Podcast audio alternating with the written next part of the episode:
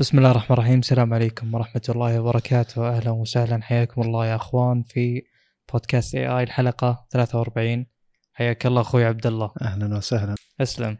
آه، عندنا مؤتمر هواوي الأسبوع الماضي كان تقريبا قبل ثلاث أيام أو أربع أيام وأعلنوا عن أشياء كثيرة لكن ما أعلنوا عن جهاز ذكي بنظام أندرويد أو ال Mate المنتظر حقهم يعني Mate 40 أو Mate 40 Pro. يمكن يجون نهاية السنة ممكن السنة الجاية ما ندري عنها بالضبط وش الأخبار حقته. لكن بنتكلم عن الأشياء اللي أعلنوا عنها بالمؤتمر حقهم. آه، أول شيء أعلنوا عن سماعات. سماعات سموها FreeBuds FreeBuds Pro اللي هي السماعات اللي تجي لاسلكيه بالكامل ولها ثلاث ألوان لون أول silver ولون أبيض ولون أسود. اعلنوا انهم اضافوا لها.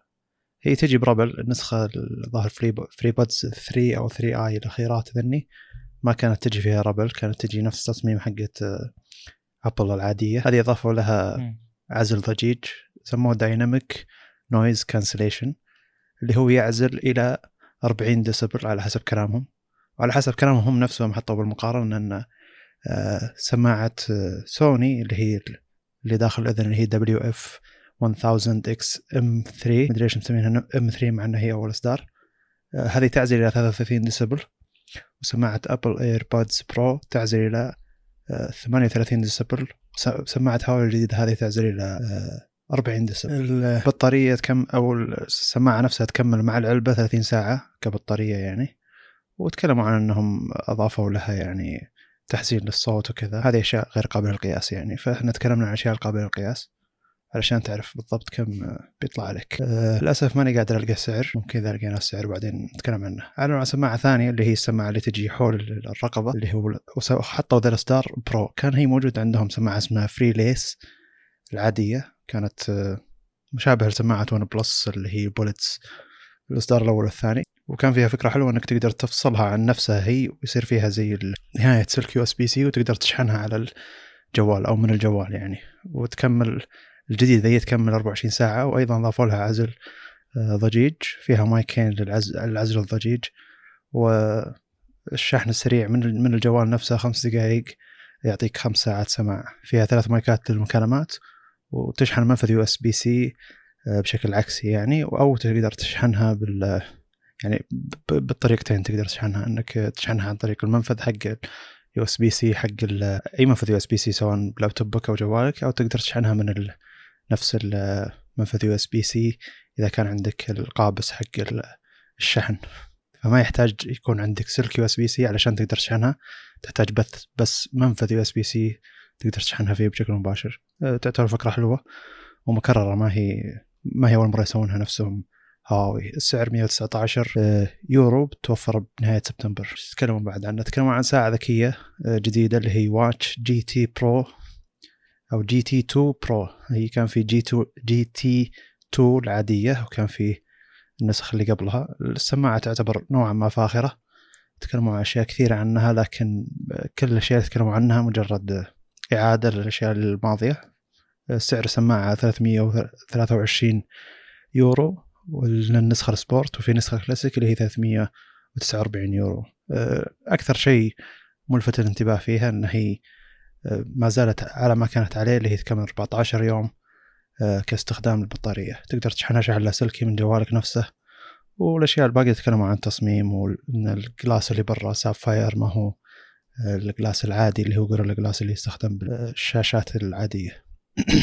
آه، بعدها هي ساعة ذكية على سوارة ذكية سموها هواوي Watch Fit اللي جدا مشابهة لساعة أبل لكنها مضغوطة شوي وصايرة نحيفة. فتحس إنها أقرب للسوارة منها تكون ساعة لكن فيها جميع مزايا الساعة فعليا يعني فيها التطبيقات اللي موجودة على الساعة حقتهم. وتكمل معك آه، عشرة أيام البطارية. آه، سعرها 400 399 ريال سعودي. ما لقيت سعرها آه، باليورو زي السابقات يعني. لكن تعتبر ساعة ممتازة تصميمها لطيف يعني. الأشياء الباقية اللي تكلموا عنها للساعات هذه كلها كمتابعة ال- الرياضة اللي هو لك مية آه، أسلوب تدريب تقدر تتابع الساعة وما تكلموا عن أشياء زيادة كل الأشياء تعتبر أشياء بسيطة. يعني هي تحديثات بسيطة للساعات حقتهم وساعة جديدة اللي هي زي مدري هم كان عندهم Fit Band أو Band Fit ساعة أو سوارة ذكية مخصصة لهواوي فتحس أن هذه نسخة كبيرة منها سموها Watch Fit وصراحة تصميمها جيد يعني. الطلب المسبق متوفر بالسعودية ب 399 ريال سعودي. بعدين أعلنوا عن لابتوب أو لابتوبين مو لابتوب واحد. اللابتوب الأول اللي هو ال MateBook X والثاني اللي هو ال MateBook 14 اللي هو 14 اللي يجيب شاشة 14 إنش. اللابتوب الأول اللي هو ال X اللي يعتبر نوعا ما فخم اللي يبدأ من 1800 يورو أو 1600 يورو إلى 1800 يورو على حسب النسخة اللي أنت ماخذها. ال X يجيب معالجات Intel اللي هو ال i5 إلى ال i7 اللي هو النسخة العاشرة أو الاصدار الاصدار العاشر. ما أتكلم عن تفاصيل المعالج بالضبط لكن ال RAM موحد كله كله 16 جيجا RAM سواء أخذت ال i5 أو ال i7 وأيضا الذاكرة الداخلية موحدة 512 نوعا ما الجهاز ما يعتبر الجهاز العملي لكن يعتبر الجهاز الفخم نوعا ما اللي هو آه، استغلوا حجم الشاشة كامل تقريبا فصار مستغل تقريبا 91% من واجهة الجهاز أو واجهة الشاشة يعني آه، غير الواجهة حقت الكيبورد. والجهاز يجيب آه، شاشة 3K والوزن الجهاز 1 كيلو يجيب أربع ألوان. مشكلة ما يتكلمون عن أشياء دقيقة جدا من ناحية المعالج ومن ناحية التبريد كلهم يتكلمون أنه هذا الأول من نوعه الأول من نوعه كله كلام تسويقي فما نقدر نحكم على الأشياء هذه. الجهاز يدعم الواي فاي 6 يجيب منفذين USB C بس هذه الأشياء اللي اعلنوا عنها. نسخة الميك ال MateBook 14 اللي هو يجيب معالجات AMD Ryzen اللي هي ال 400 و 4700 لحظة خلينا نشوف بالضبط. 4600 H و 4800 H اللي هو ال R ال R7 وال R5 يبدأ من 849 يورو إلى 1049 يورو. النسخة ال 1049 يورو يجي 16 جيجا RAM. 512 جيجا كذاكرة داخلية. معها ال... والشاشة تجي touch النسخة الأدنى من كذا تجي بشاشات عادية ما هي شاشات touch وتجي كلها ب 16 النسخة المتوسطة اللي هي ب 949 دولار. لا يورو. اللي هي تجي 16 جيجا RAM و512 جيجا كذاكرة داخلية اللي هي ال R5 والمعالج R5 اللي هو 4600 H. المشكلة الصور ما هي بالدقة هذه فماني قادر أقرأ بالضبط. هي لو 4700 4600 لكن مو مشكلة. المعالجات كلها R5 اللي هي من Ryzen النسخة 849 يورو اللي هو تجيب 8 جيجا RAM 256 يعتبر جهاز عملي مواصفات ممتازة مقابل السعر. لكن ال X اللي قبله كان يجيب سعر أعلى مواصفات نوعا ما. هذا شاشته تجي 2K أيوه بالضبط 2K البطارية حقته 56 واط. ما أدري وش القياس هذا بالضبط. يجيب منفذين يو إس بي يو إس بي عادي ومنفذ USB C ومنفذ 3.5 لا ثلاثة منفذ USB عادي واحد منفذ USB C ومنفذ 3.5 الجهاز يجيب واحد وزنه واحد ونص كيلو. يعتبر جهاز جيد كقيمة مقابل سعر. باقي شيء ما أتكلم عنه؟ لا ما باقي شيء ما أتكلم عنه. هذه الأجهزة اللي لابتوبين سماعتين ساعتين. آه، ما تكلموا عن ال X Pro؟ لا. كأني أذكر إنه في تحديث عليه إنه هو سعره بالذات آه، يعني غالي بشكل كبير مقارنة بالباقي رغم إنه ما يفرق عنهم ك hardware يعني بشكل واضح. ما أدري. ضمن هي حطوا صورة بالأخير إنه اعلنا على الاشياء ذي وهو بالضبط هي ال X وال14 ما حطوا ال X Pro نهائيا. ما جابوه. جميل. أتوقع واللي يبدو لي إنه يعني تطوير هواوي على الأجهزة هذه كأنه ماخذ المسار اللي ماخذته نوعا ما ابل آه، في تطوير أجهزتهم إنها يعني ال naming convention على قولتهم ماشي نفسه نفس التسميات. حلو. آه، ما في أرقام وحوسة هي مجرد دي X X Pro طبعا كل شوي يغيرون شوي. آه، يعني ال X سموه MateBook 13 الظاهر بنسخة الجيل الثامن. يعني في شوي حوسة بالأسامي بس الجهاز باقي نفسه. بالنسبة لي صراحة هذا شيء جيد. آه، يعني عكس شركات أخرى مثلا زي Dell Dell عندهم آه، فئة تعتبر الرائدة واللي أكثر فئة مهتمين فيها وأعرق فئة اللي هي XPS.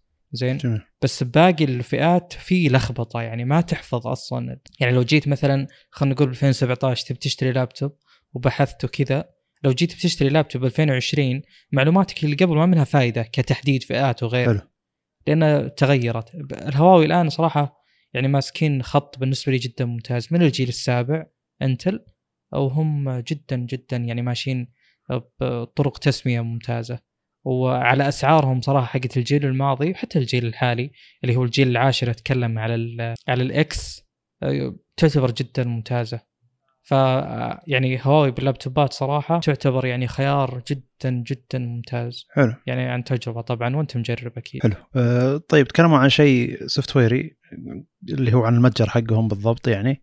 أه قالوا إن المتجر حقنا كاستراتيجية جديدة يعني إن اللي يبي اللي يبي يدخل خدماته العالمية اللي يعني كأي مطور يبي يدخل خدماته للصين ما يقدر بشكل سهل لأن Google Play أو متجر جوجل ممنوع داخل داخل الصين وغالب الخدمات الامريكيه عموما ممنوعة داخل الصين. ف زي اللي هواوي تقول إن أي مطور عالمي بيدخل خدماته إلى الصين يقدر يرفع الخدمة عندنا وحنا ندخلها للصين له ونسوقها له ما عندنا مشكلة أيضا من ناحية التسويق. أه، وتكلموا عن الإحصائيات اللي جت لمتجرهم من ناحية إنه كم ارتفع عدد التطبيقات جودة التطبيقات وش الشركات اللي دخلت التطبيق بالضبط يعني.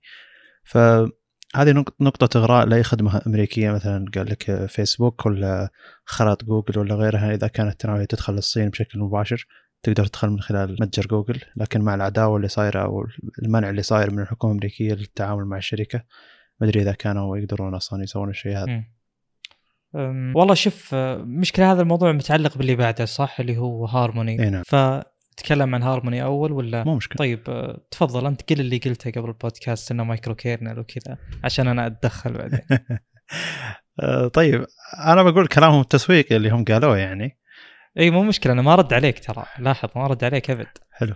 آه، فال هم تكلموا عن نظامهم هذا المؤتمر اللي قبله يعني مو المؤتمر هذا المؤتمر هذا ما تكلموا كثير عن النظام لكن بالمؤتمر هذا قالوا إن أجهزتنا في 2021 كأجهزة ذكية جوالات ذكية ما ما راح تجي بنظام أندرويد تجي بنظامنا اللي هو هارموني OS. وتكلموا ان في السابق طبعا إن هارموني OS هو بيجيب micro kernel وكتسهيل للناس يعني إن سطر البرمجي الواحد يختصر 100 سطر من البرمجيات اللي يستخدمونها أو الانظمه الأنظمة الثانية.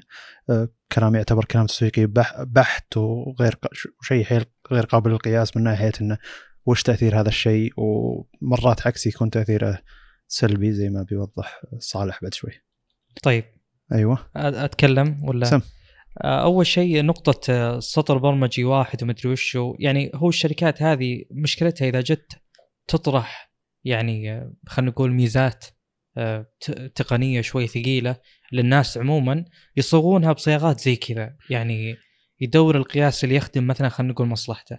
آه هذا الشيء يعني في أحد اللغات وأتوقع كثير يعرفون ذا الشيء اللي هي بايثون مثلا. آه كل لغة طبعا لها طريقة معينة بالكتابة وأشياء واجد يعني. آه يعني مثلا Python يقول لك إنك بتسهل على المبرمج أو الشخص اللي بيكتب كود من ناحية قراءة إنه يكون أسهل لأن في استخدام أقل لل semicolons مثلا. ف يعني في أشياء كثيرة أنت ما تحتاج تسويها يا المطور لكن في حساسية بالمسافات وما أدري وشو آه، اللغة هذه يعني في كثير ناس أنا ما استخدمتها كثير ترى يعني آه، استخدمتها كتعديل مو إني أكتب كود. يعني قد اشتغلت على مشاريع موجود فيها code ال Python أحيانا أحتاج إني أعدل عليه مثلا. اللي بقوله بس انه كون إني أختصر على المبرمج وأسهل عليه ما يعني إن الأداء بيكون أفضل ابدا ابدا. يعني مثلا كوني أكتب سطر برمجي واحد يختصر خلينا نقول 20 سطر. هذا ممكن يسهل الكتابه بس إنه ما يسهل أو ما يسرع الأداء. مو بشرط يعني. الموضوع غير قابل للقياس. غالبا ال trade off اللي يصير بال يعني بالبرامج عموما أو بالأنظمة خلينا نقول إنك إما تخلي الكتابة سهلة وتحصل على أداء خلينا نقول أقل أو إنك تخلي الكتابة أصعب أو أعقد خلينا نقول مو أصعب يعني تحتاج متطلبات أكثر مقابل إن الأداء يكون مثلا أسرع. زي يعني موضوع لغة C مثلا. يعني معروف إنها فيها مشاكل كثيرة من ناحية كتابة وأشياء كثير تحتاج تسوي لها handling يعني زي ال null pointer وما أدري وش الأشياء هذه. فالموضوع هذا بالنسبة لي يعني أو مو بالنسبة لي هذه حقيقة. ما غير قابل للقياس ولا للتحقيق ولا لأي شيء آخر. يعني موضوع التسهيل على المبرمجين آه، ما هو مقتصر على مجرد سهولة الكتابة له ميزات أخرى زي مثلا ال refactoring وكذا. يعني إذا جيت آه، انت يوم تسوي نظام تشغيل أو يوم تسوي برنامج عادي بسيط يعني عندك ملفات كثيرة وعندك في structure كذا للكود للملفات اللي فيه وال directory يصير عندك فيه ملفات واجد فأنت تحتاج تسهل القراءة الموضوع هذا يفيد لكن له محدوديات أخرى على الأداء وغيره. أنا مو هنا عشان أناقش موضوع ال efficiency وش الأفضل وإلى آخره بس إن هذا شيء ما يستحق إنك تسوق عليه نهائيا. الشيء الثاني اللي بعلق عليه اللي هو نقطة micro kernel ومدري وشو. أول شيء خلينا نشرح يعني قد تكلمت أنا قبل أتوقع بتويتر عن ذا الشيء وما أدري إذا قد تكلمنا عنه بالبودكاست ولا لا بس أنظمة التشغيل يعني خلينا نقول لها أنواع أو لها طرق في خلينا نقول ال architecture حقها المعمارية حقتها أول كانت الفروقات جدا واضحة بينهم. الآن كل ما مشينا مع الوقت تبدأ تقل. الموضوع مشابه نوعا ما لفكرة ال RISC اللي هي ال ARM based processors والسي اي اس سي الار اي اس سي قلنا إنها ال reduced خلينا نقول العمليات المخففة وال CISC العمليات المعقدة ال complex ف أول كانت الفروقات بينهم جدا واضحة بحسب اللي قريته بحسب كلام المختصين مؤخرا لأن هذا ما هو تخصصي أصلا. آه، يقولون إن يعني بدأت الفروقات بينهم تقل أكثر وأكثر وأيضا في شيء آه، زيادة على هذا يدللنا ويثبت لنا إن فعلا الفروقات بينهم تقل. فأنا اللي بوصل بالأخير بس إن هذا ما هو يعني ما أشوف انها نقطة تسويق لشيء معين زي كذا. يعني أنا أصلا كمبرمج ترى ما يفرق معي والله وش وفي فروقات يعني ممكن أحتاج أراعيها بوقت ما أني أكتب مثلا آه، برنامج معين لكن الأصل وفي غالب البرامج ما ما ما تحتاج ابدا. يعني بالذات البرامج خلينا نقول اللي ما لها علاقة بشكل كبير بالنظام التشغيل نفسه. آه، يعني بعض البرامج تكون جدا مستقلة وتسوي عملياتها داخلها ما تحتاج تاخذ شيء مثلا من النظام. طيب خلينا نتكلم عن الأنواع اللي هي الأصل إنها ثلاث أنواع لكن تتفرع الانواع أكبر. وأبى أتكلم بس بشكل بسيط عن الفرق بينهم ميزات وعيوب كل نوع. ال micro kernel عبارة عن محاولة إنك آه، قبل لا أتكلم عنه معليش. في عندنا الأصل بأي نظام تشغيل عندنا مجالين. المجال الأول اللي هو ال kernel آه، ال kernel اللي هو آه، خلينا نقول اللي يوصل بين ال hardware وال software زين؟ يعني أنت مثلا بواجهة نظام التشغيل إذا تبي تسوي شيء معين متعلق بال hardware يعني مثلا تبي تستخدم ال GPU تبي تشغل لعبة تستخدم ال GPU. تستخدم موارد أكثر طبعا بس بشكل أساسي بتستخدم ال GPU. الأصل إنك تروح لل kernel هذا وتقول له إنك تبي ال GPU. هو يترجم الموضوع لل GPU. حلو؟ حلو. بين ال hardware وال software عموما. زين؟ جميل. فكل الأمور تحدث أما في ال kernel mode أو ال user mode kernel mode اللي هو له خلينا نقول صلاحية أكبر لأنه يوصل لل hardware. ال user mode لا اللي هو مكان ال user اللي إذا احتاج شيء متعلق بال hardware الأصل إنه لازم يصير ال mode حقه kernel زين؟ طيب ال microkernel فكرته إنك يوم تجي تشغل نظام التشغيل يشتغل بأقل آه، خدمات ممكنة على الإطلاق. يعني شلون؟ يعني إذا جاي يشتغل يحاول يشغل أقل شيء يحتاجه النظام التشغيل فقط. زين؟ ما يشغل services زيادة. حلو؟ آه ال microkernel يحاول يخلي نظام التشغيل حجمه جدا صغير. زين؟ ويحاول يخلي استهلاك ال RAM ات أقل. زين؟ لأنه هو أصلا يحاول يخفف ال kernel نفسه من جميع الخدمات خلينا نقول الزايدة عليه. زين؟ ممتاز. وهي طبعا أشياء كثيرة لو أعطيك أمثلة يعني وش الأشياء اللي ما تحتاج تشغلها وقت ما تشغل نظام التشغيل؟ مثلا خلينا نقول ب Windows ال Windows Defender مثلا. النظام ممكن يشتغل بدون مكافح فيروسات صح؟ عادي يعني. جميل. بس إنه عشان أمور الأمان وكذا لازم يشتغل معه ومن من هذه الأشياء يعني. ميزات ال microkernel مثلا يقول لك آه، إنه يكون portable إنه خفيف فنقله وتركيبه كله أسهل وأسرع ومثل ما قلنا إنه كنظام تشغيل يعتبر حجمه أقل. زين؟ وكنظام تشغيل يشتغل على ال RAM ات يعتبر أيضا حجمه أقل. والميزة الأخيرة تعتبر نوعا ما مهمة اللي هو الأمان. ليش الأمان؟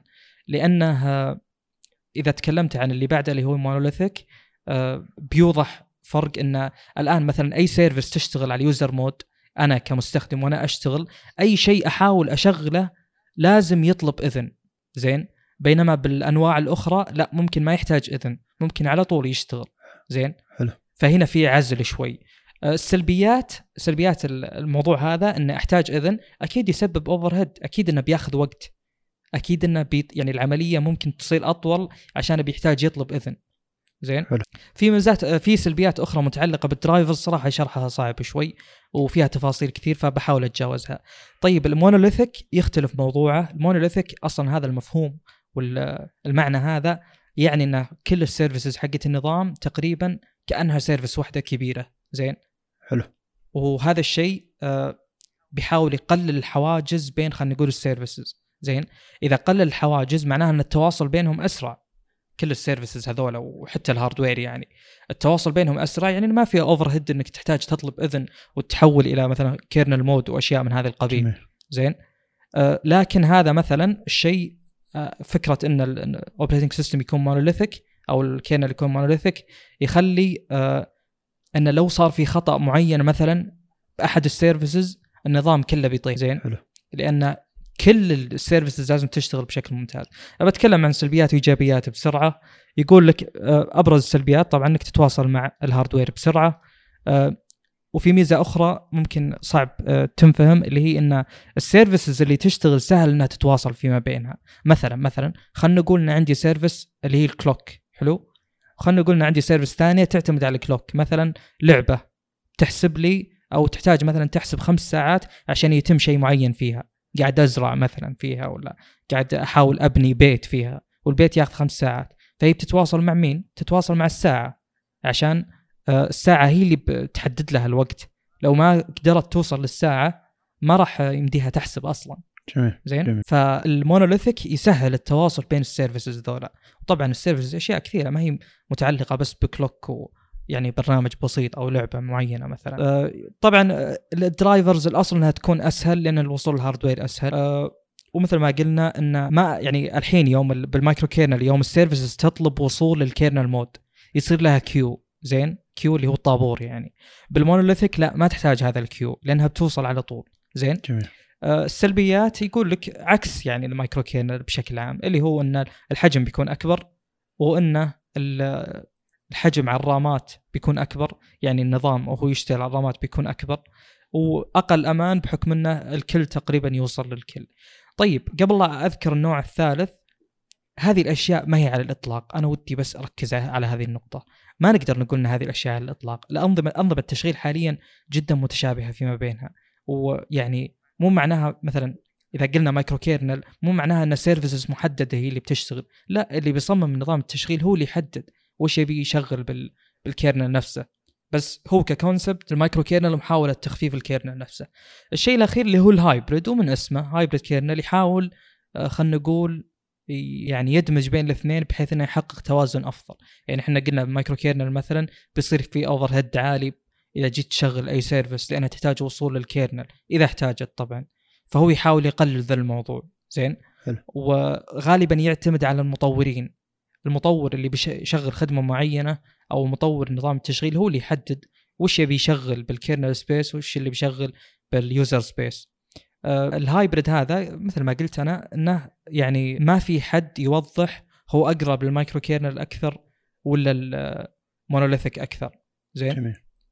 يقول لك آه، مثلا ب Linux آه، الأصل الأصل لاحظ إنه مثلا monolithic زين؟ وبما أن ال kernel حق Linux مشابه يعني الموجود ب Android فهو تقريبا الأصل إن كلهم monolithic Windows مثلا آه، يعني قريت إنها hybrid وهذا الشيء صعب تحكم عليه بس إنه يميل إلى إنه يكون hy- hybrid عموما. آه، الشيء الأخير اللي بذكره آه، أنت في تصميم أي مثلا نظام تشغيل خلينا نقول آه، بتتعامل مع ال trade-offs هذه يعني بتروح للي تحتاجه أكثر. يعني أنا هل أحتاج مثلا وصول أسرع؟ يعني مثلا إذا بسوي نظام تشغيل آه، أنا المسؤول عنه بشكل كامل. يعني أنا اللي موفر نظام التشغيل وأنا اللي بوفر التطبيقات اللي عليه. فالأصل هنا إني أستخدم مثلا خلينا نقول monolithic ليش؟ أو أميل ال monolithic لأن أنا مسوي كل شيء. ما أحتاج أتعامل مع security أكثر. لأن ما في third party أنا ما أعطيت حزم للمطورين إنهم يطورون تطبيقاتهم عليه صح؟ جميل. واصلا ممكن يكون النظام هذا ما في إمكانية إنك يعني تضيف أي برنامج عليه. الأنظمة القديمة خلينا نقول مثلا نظام شاشة بسيارة معينة خلينا نقول قبل عشر سنوات.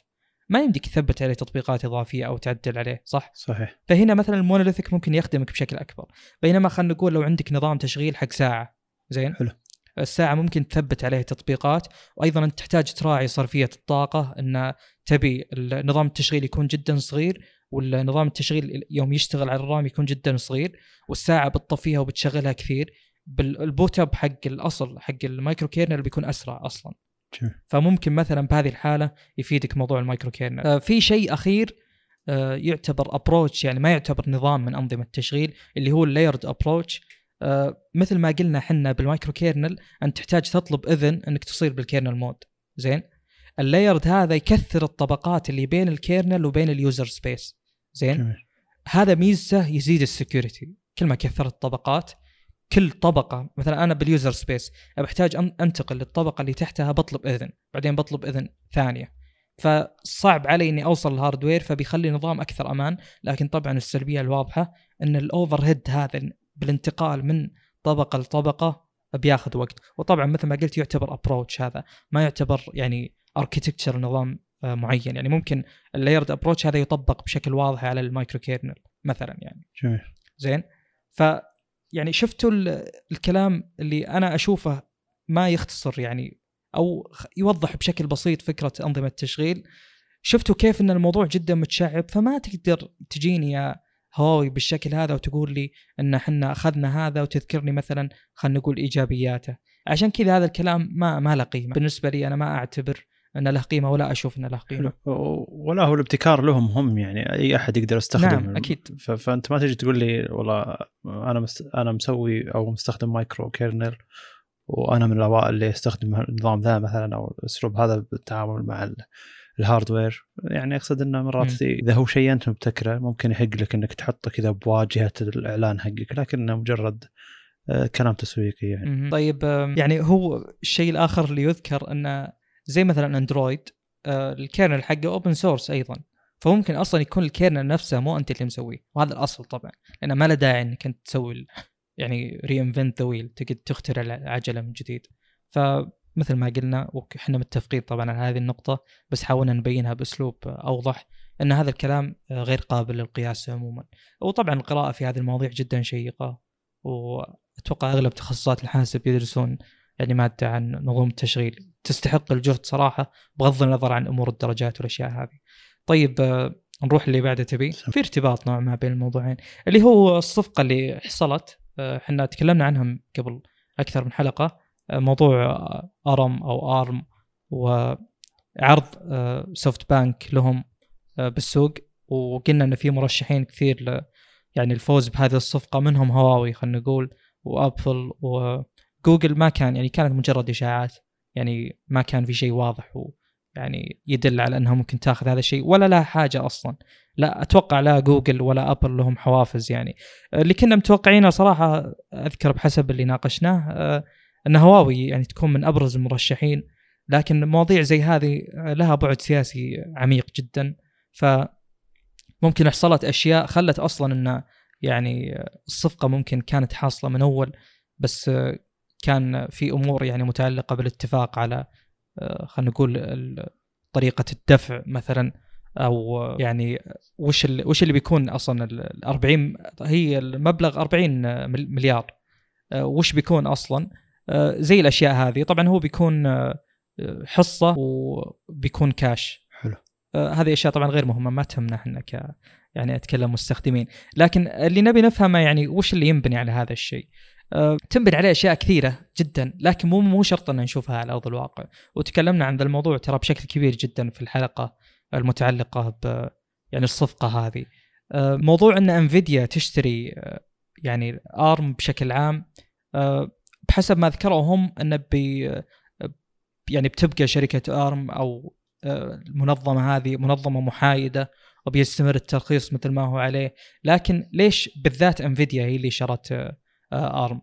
آه، ممكن ينبني على هذا الموضوع إن مثلا Nvidia تدخل آه، يعني تدخل مع آه، خلينا نقول أجهزة ذكية يعني بدل Adreno اللي عند Qualcomm آه، ممكن هم بحسب كلامهم انه بيصيرون يدعمون الأبحاث اللي فيه ومن هذا القبيل ويعني بيصير على كلامهم طبعا لا يزال محايد ومن ذا الكلام. أنا أشوف إنه يعني أتفهم طبعا ليش Nvidia شرت آه، يعني آه، شرت ARM آه، لأنه هي الوحيدة تقريبا اللي خلينا نقول ما لها قبضة زي الباقيين يعني Nvidia أنت الآن يا AMD مثلا بكروت Radeon تقدر تنافسها بنفس السوق حقها زين بينما أنت مثلا ما تقدر تنافس آه، جوجل بخدماتها زين. لأنها تعتبر يعني شيء مميز أكثر. وشيء له وجود قديم بالسوق وله مستخدمين كثر بينما أنا انتقالي من كرت لكرت ما ما يعني ما ينبني عليه شيء أنا أدور على أداء فقط. يعني هي المرشح الأبرز الأمريكي لاخذ ARM وللاسف صارت. أنا ما أدري يعني وش ممكن يصير مستقبلا كأحداث فعلية لكن هذا يعني الواضح منه آه، زي ما تقول زيادة السطوة على هواوي من هالنوع وبما أن جبنا طاري two Harmony وأنه بينزل بنهاية السنة صح؟ ديسمبر. حسب اللي قريته بينزل بنهاية السنة. هنا. نعم. فبما أنه بينزل بنهاية السنة فكأنه بدأ يوضح أنه خلاص هواوي ممكن تأخذ طريقها. ويعني الشركات الأمريكية تاخذ طريقها وإنه ما في شيء يوحي إلى إنه بيصير في حل بين يعني خلينا نقول الطرفين. إذا عندك رأي بخصوص الموضوع طبعا هو كبير جدا عشان كذا نوعا ما في تشتت في آه، طرحه لأن في خبايا كثيرة وفي أبعاد كثيرة. يعني أنت ما تجي تتكلم عن السياسة ولا الاقتصاد ولا التقنية في هذا الموضوع. ما أدري أنا ودي نحصرها بالتقنية بحكم ان مجال البودكاست بس آه، م. من وجهة نظري يعني إن هذا التوجه اللي سوته هواوي هو هو توجه صحيح إنها تبدأ بنظام حقها وتبدأ يعني تدعم بشكل أكثر وتحط على أجهزتها لأن حتى لو رجعت الأحوال زي ما هي عليه مع مع جوجل مثلا أو مع الحكومة الأمريكية آه، عادي يعني تقدر تحط خدمات جوجل على نظامها أو تحط مثلا آه، نسخة هارموني اللي هي بدون خدمات جوجل ونسخة أندرويد اللي هي بخدمات جوجل. فأقصد إنه بيكون لها مجال إن النظام حقها يتفوق مثلا داخل الصين أو يتفوق حتى خارج الصين وإذا بغت الشري بعض الخدمات الأمريكية تدخل تطبيقهم عشان تدخل داخل الصين بيكون هذا شيء جيد. وعموما وجود منافس جديد كنظام تشغيل إحنا نرحب فيه خاصة إذا كان المفروض يكون شيء منافس جدير بالمنافسة يعني ما هو زي مثلا بلاك بيري ولا ويندوز فون أو ذيك الأيام مثلا كانوا منافسين ما هم ما هي منافسة جيدة يعني دخولهم بالمنافسة كان دخول غريب يعتبر. فما ادري أنا أحس إن هواوي ما عندها يعني so so يعني شركة قاعد تحارب رغم اللي قاعد يصير لها وقاعد تنزل أشياء هي تقدر عليها وتقدر تبيعها مثل الأشياء اللي تكلمنا عنها اليوم. آه، يعني كل الأشياء الجديدة هذه هي قابلة للبيع لأن ما هي ما قاعد تعتمد على لا خدمات جوجل ولا على أندرويد. قاعد تعتمد على مايكروسوفت قاعد تعتمد على يعني مايكروسوفت ويندوز أقصد. وقاعد تعتمد على إن لهم برنامج على الأندرويد وتقدر تستخدم السماعات حقتهم أو الساعات حقتهم. آه، وعلى الطاري ترى لهم تجربه هم في في الأنظمة أنظمة التشغيل عموما بس على الأجهزة الصغيرة الظاهر انه عندهم TV يشتغل على نظام حقهم وعندهم الساعة حقتهم تشتغل على Lite OS ما أدري ليش مسمينه Lite OS أصلا بس الغريب إن ساعتهم تعطي خدمات جيدة مقابل 14 يوم تشغيل أو استخدام من دون الشحن فيعتبر شيء مبهر. صحيح إن ما هو نفس الخدمات اللي تعطيك إياها. باقي الساعات الذكية من ناحية انك إنها تعطيك تطبيقات كثيرة إنها تعطيك مثلا جميع التنبيهات ومكالمات على السبيكر مع إنه في بعض ساعات ساعات هواوي تعطيك الشيء هذا. لكن أقصد إنه من المبهر إنك تشوف نظام تشغيل آه، قاعد يعطيك جزء كبير من خدمات الساعات الباقية مثلا أو أنظمة التشغيل الموجودة على الساعات الباقية لكن ما قاعد يستهلك من الطاقة شيء ولا حتى يعني 10 أقل من 10% من استهلاك باقي الشركات. لكن تتخيل أن باقي الشركات سواء سامسونج مع نظام التشغيل حقها اللي هو تايزن على الساعات ولا آه، جوجل مع ال Wear OS ولا ابل مع ال iOS حقهم نسيت اسمه iWatch ولا مدري إيش اسم النظام حق الساعات ساعة ابل نفسها. بس المقصد إنه كل الساعات هذه حدها يومين ثلاثة يعني فتجيك ساعة زي هذه تقدم لك خدمات مقاربة جدا الخدمات اللي تعطيك إياها الساعات هذه. وتقدر 14 يوم 10 أيام آه، كاستخدام مع كاستهلاك طاقة. البطارية ما هي أكبر بحجم كبير لا نفس البطاريات الموجودة على باقي آه، الساعات. فهنا نقطة إبهار. أنا عشان كذا كان عندي تصور أنه ممكن تجربتهم في هذا المجال تفيدهم. وأيضا عندهم تجربة آه، على ال TV. أظن أحد التلفزيونات حقت هواوي تشتغل على نظامهم ال Lite OS أو شيء زي كذا فعندهم هم تجربة من ناحية إنه عندهم نظام خفيف يشتغل على باقي الأجهزة. ممكن هو نفس النظام هذا يتحول إلى هارموني OS أو يكون خلاص هارموني OS لأن فكرتهم هم انه ليش يبونه يصير خفيف أو يعني مايكرو أو إنه يعني ما يشغل جميع الخدمات أو كذا بنفس الوقت زي ما تكلمنا عنه تو. لأنهم يبون يحطونه على كل شيء بنفس الوقت يبون نفس النظام يشتغل بنفس الطريقة على كل الأجهزة. فمن ضمن كلامهم التسويقي أيضا إن النظام اللي يشتغل على الجوال هو نفس النظام يشتغل على شاشتك. إذا كانت شاشتك هواوي إذا كانت ساعتك هواوي بيشتغل عليها نفس النظام بالضبط لكن بواجهات مختلفة. لكن كأساس النظام هو نفس النظام ف مدري وعموما حتى لو قدموا أي شيء تجربة المستخدم هي الأساس وأعتقد إنهم بيعتمدون على تجربة المستخدم حقتهم الموجودة في اندرويد فلا تتوقع واجهة جديدة ونظام جديد كليا. توقع إنه واجهة قريبة من واجهة هواوي الموجودة على اندرويد أتوقع تجربة استخدام مقاربة يعني. لكن أنا كانت مبهرتني دايم أو مبهرني دايم اللي هو آه، تجربتهم في عالم الساعات من ناحية النظام حقهم حق الساعات مع إنه هناك شيء غير قابل للقياس مع الأجهزة الذكية، الأجهزة الذكية فيها أشياء أكثر تستهلك وكمية الاستخدام أكثر بكثير وقد يكون تجربة تكون أصعب على الأجهزة الذكية فرق عن الساعات الذكية يعني. طيب أنا كنت أتساءل آه يعني الكلام النقاط اللي ذكرتها جدا ممتازة من ناحية إن في أماكن آه أنظمة تشغيل وتوفرها فيها بكثرة آه ما يعني يعني ما في شركة لها سطوة. حلو. يعني مثلا webOS وتايزن بسوق التلفزيونات بين إل جي وسامسونج. آه، عادي الكل يقدم خدمته ويحاول يعني يتبنى خلينا نقول منصات أكثر آه، كعرض فيديو Amazon Prime ولا غيره ولا يوتيوب مثلا. وخلاص عادي يعني ما في أشياء تعتمد عليها زي خدمات جوجل مثلا ك Gmail وك Google Maps ومن هالأشياء اللي تعتبر نوعا ما جذرية حاليا. آه، في شيء خلاني بس يعني في شيء لفتني إلى نقطة ما كنت منتبه لها من أول وكنت متوقع إن الحرب خاسرة بالنسبة لهواوي من ناحية أنظمة التشغيل أو من ناحية خلينا نقول خدمات جوجل. فكنت أقول إن إذا خسرت خدمات جوجل فأنت خسرت كل شيء.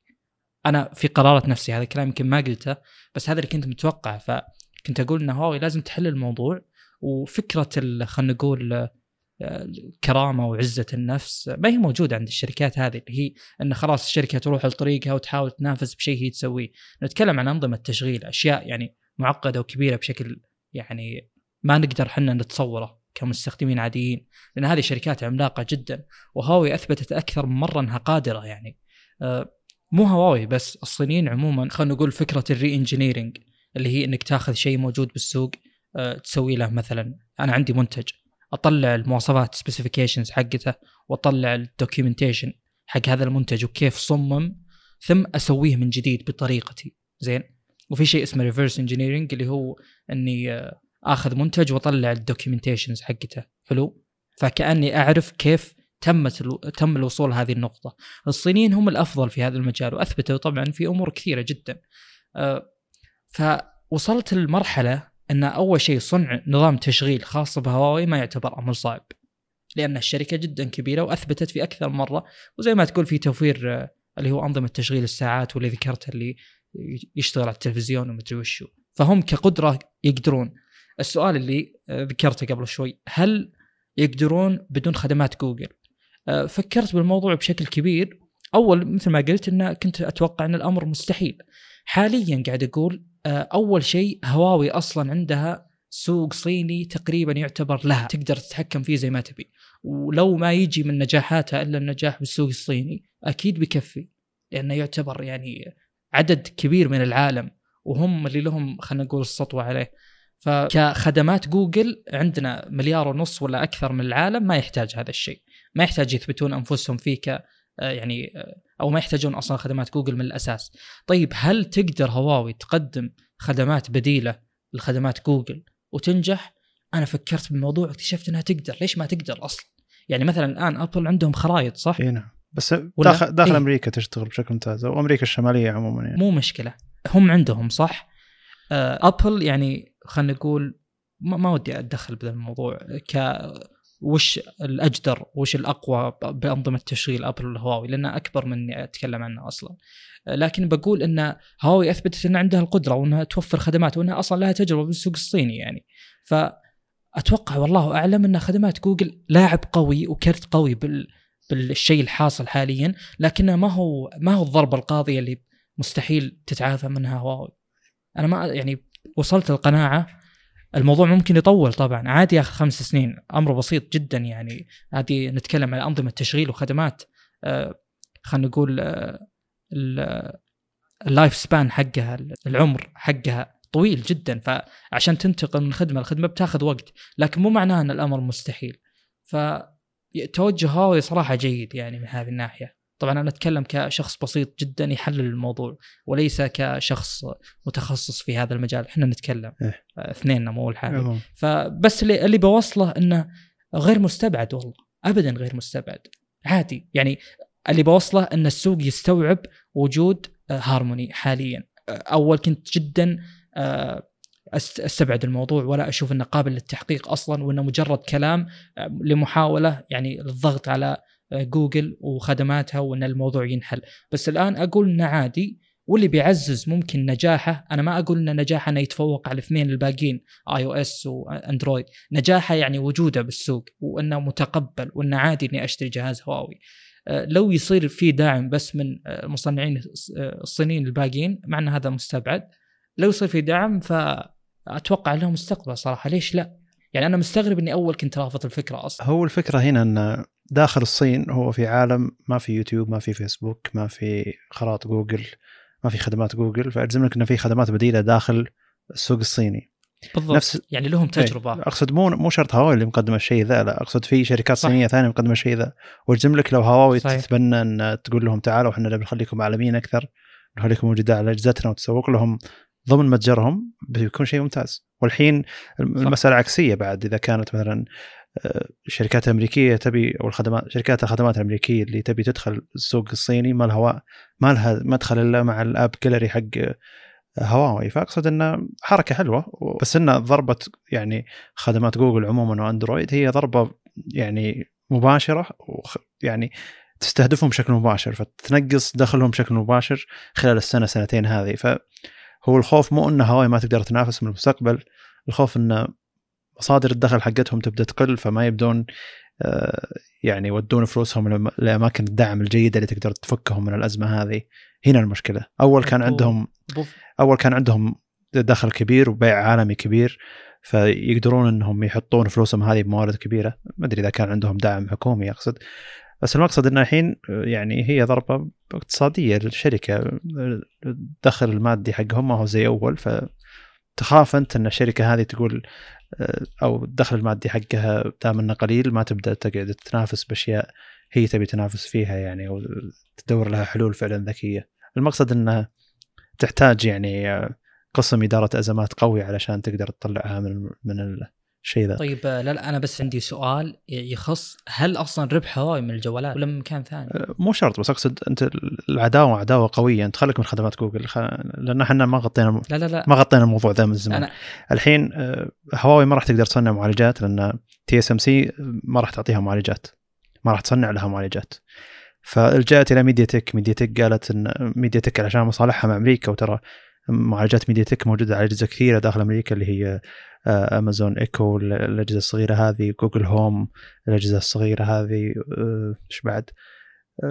عموما الأجهزة الذكية هذه موجود عليها معالجات MediaTek ف MediaTek ما تبي تفقد علاقتها مع الشركات الأمريكية فقالت لهواوي إنه لا ماني معطيتكم معالجات. الطامة الأخرى الثانية إن LG وسامسونج بنفس الوقت قالوا إن إحنا ما راح نعطيكم شاشات فما عندهم الحين BOE اللي هي الشركة الأمريكية مصنعة للشاشات ال OLED عشان تعطي هواوي الشاشات هذه. بس المشكلة أيضا ما هي بس بال panel في قطعة ثانية اللي هي مخصصة ان الشاشة تشتغل على الأجهزة الذكية نسيت شو اسمها لها اسم معين. التصريح لها أو التقنيه أمريكية أمريكية. فممكن أيضا هذه التقنية ما ما يسمح لهواوي إنها تستخدمها. فالمقصد إنه مو بس خدمات جوجل أو وأندرويد هي العداوه الوحيدة الحكومة الأمريكية وترامب يعني قاعد يحاول إنه يضيق عليهم من كل جهة وفعليا. بعد المعالج الجديد هذا حقهم ما راح يقدرون يصنعون معالج جديد لأن كل شركات تصنيع المعالجات كميات كبيرة. قالت لهم ان إحنا ما نقدر نصنع لكم عشان ما يفقدون علاقتهم مع أمريكا. فأقصد ان ترى التضييق من كل ناحية وكل جهة يعني. أتمنى انه يعني نطلع من السوالف السياسية والحوسة ذي علشان شركة مثل هواوي تقدر تنافس أنا كنت أكره شركة هواوي عموما علشان اساليبهم التسويقيه مع المشاهير اللي عندنا لكن آه ما أبي شركة زي كذا صراحة مستواها يطيح. لكن عاجبني اللي هي قاعد تسوي عاجبني إنها قاعد تقدر تقاتل أو تنافس في المجال اللي هي قاعد تقدر تبيع فيه للحين يعني. طيب اللي كنت بذكره نقطة آه، الأرباح حقت هواوي أصلا هواوي إيش تشتغل عليه؟ يعني الموضوع مو متعلق بس بأندرويد. يعني أنا قاعد أقرأ عن هواوي لأن نوعا ما مؤخرا كنت أقرأ عن telecommunications كثير اللي هم شركات اللي يوفرون آه، خلينا نقول infrastructure أو آه، بنية تحتية للاتصالات اللي هم اريكسون نوكيا هواوي بشكل عام يعني. جميل. زين؟ ف على صعيد ال 5G طبعا هذا المجال جدا كبير بس على صعيد ال 5G الربع ال- أو خلينا نقول 2019 الربع الثاني الظاهر آه، كان آه، من زمان واريكسون ال- الأول أو الأولى في هذا المجال هو مجال 5 جي كحصة سوقية عموما. آه، تقريبا كانوا 30% وكانت هواوي 26 ونص وكانت نوكيا الظاهر 24 ونص. زين؟ حلو. آه، السنة هذه 2020 الربع الثاني آه، هواوي صارت الأول 28 ونص إريكسون الظاهر 26 ونص ونوكيا نزلت إلى 22 فهواوي بالتليكوميونيكيشنز مسيطرة بشكل كبير ترى جميل. رغم إنها هي الأجدد. جميل. ف غير الدعم الحكومي غير الأمور الأخرى هذه آه، موضوع تعافي هواوي ماليا من الأزمة أمر يعتبر بسيط على الشركة.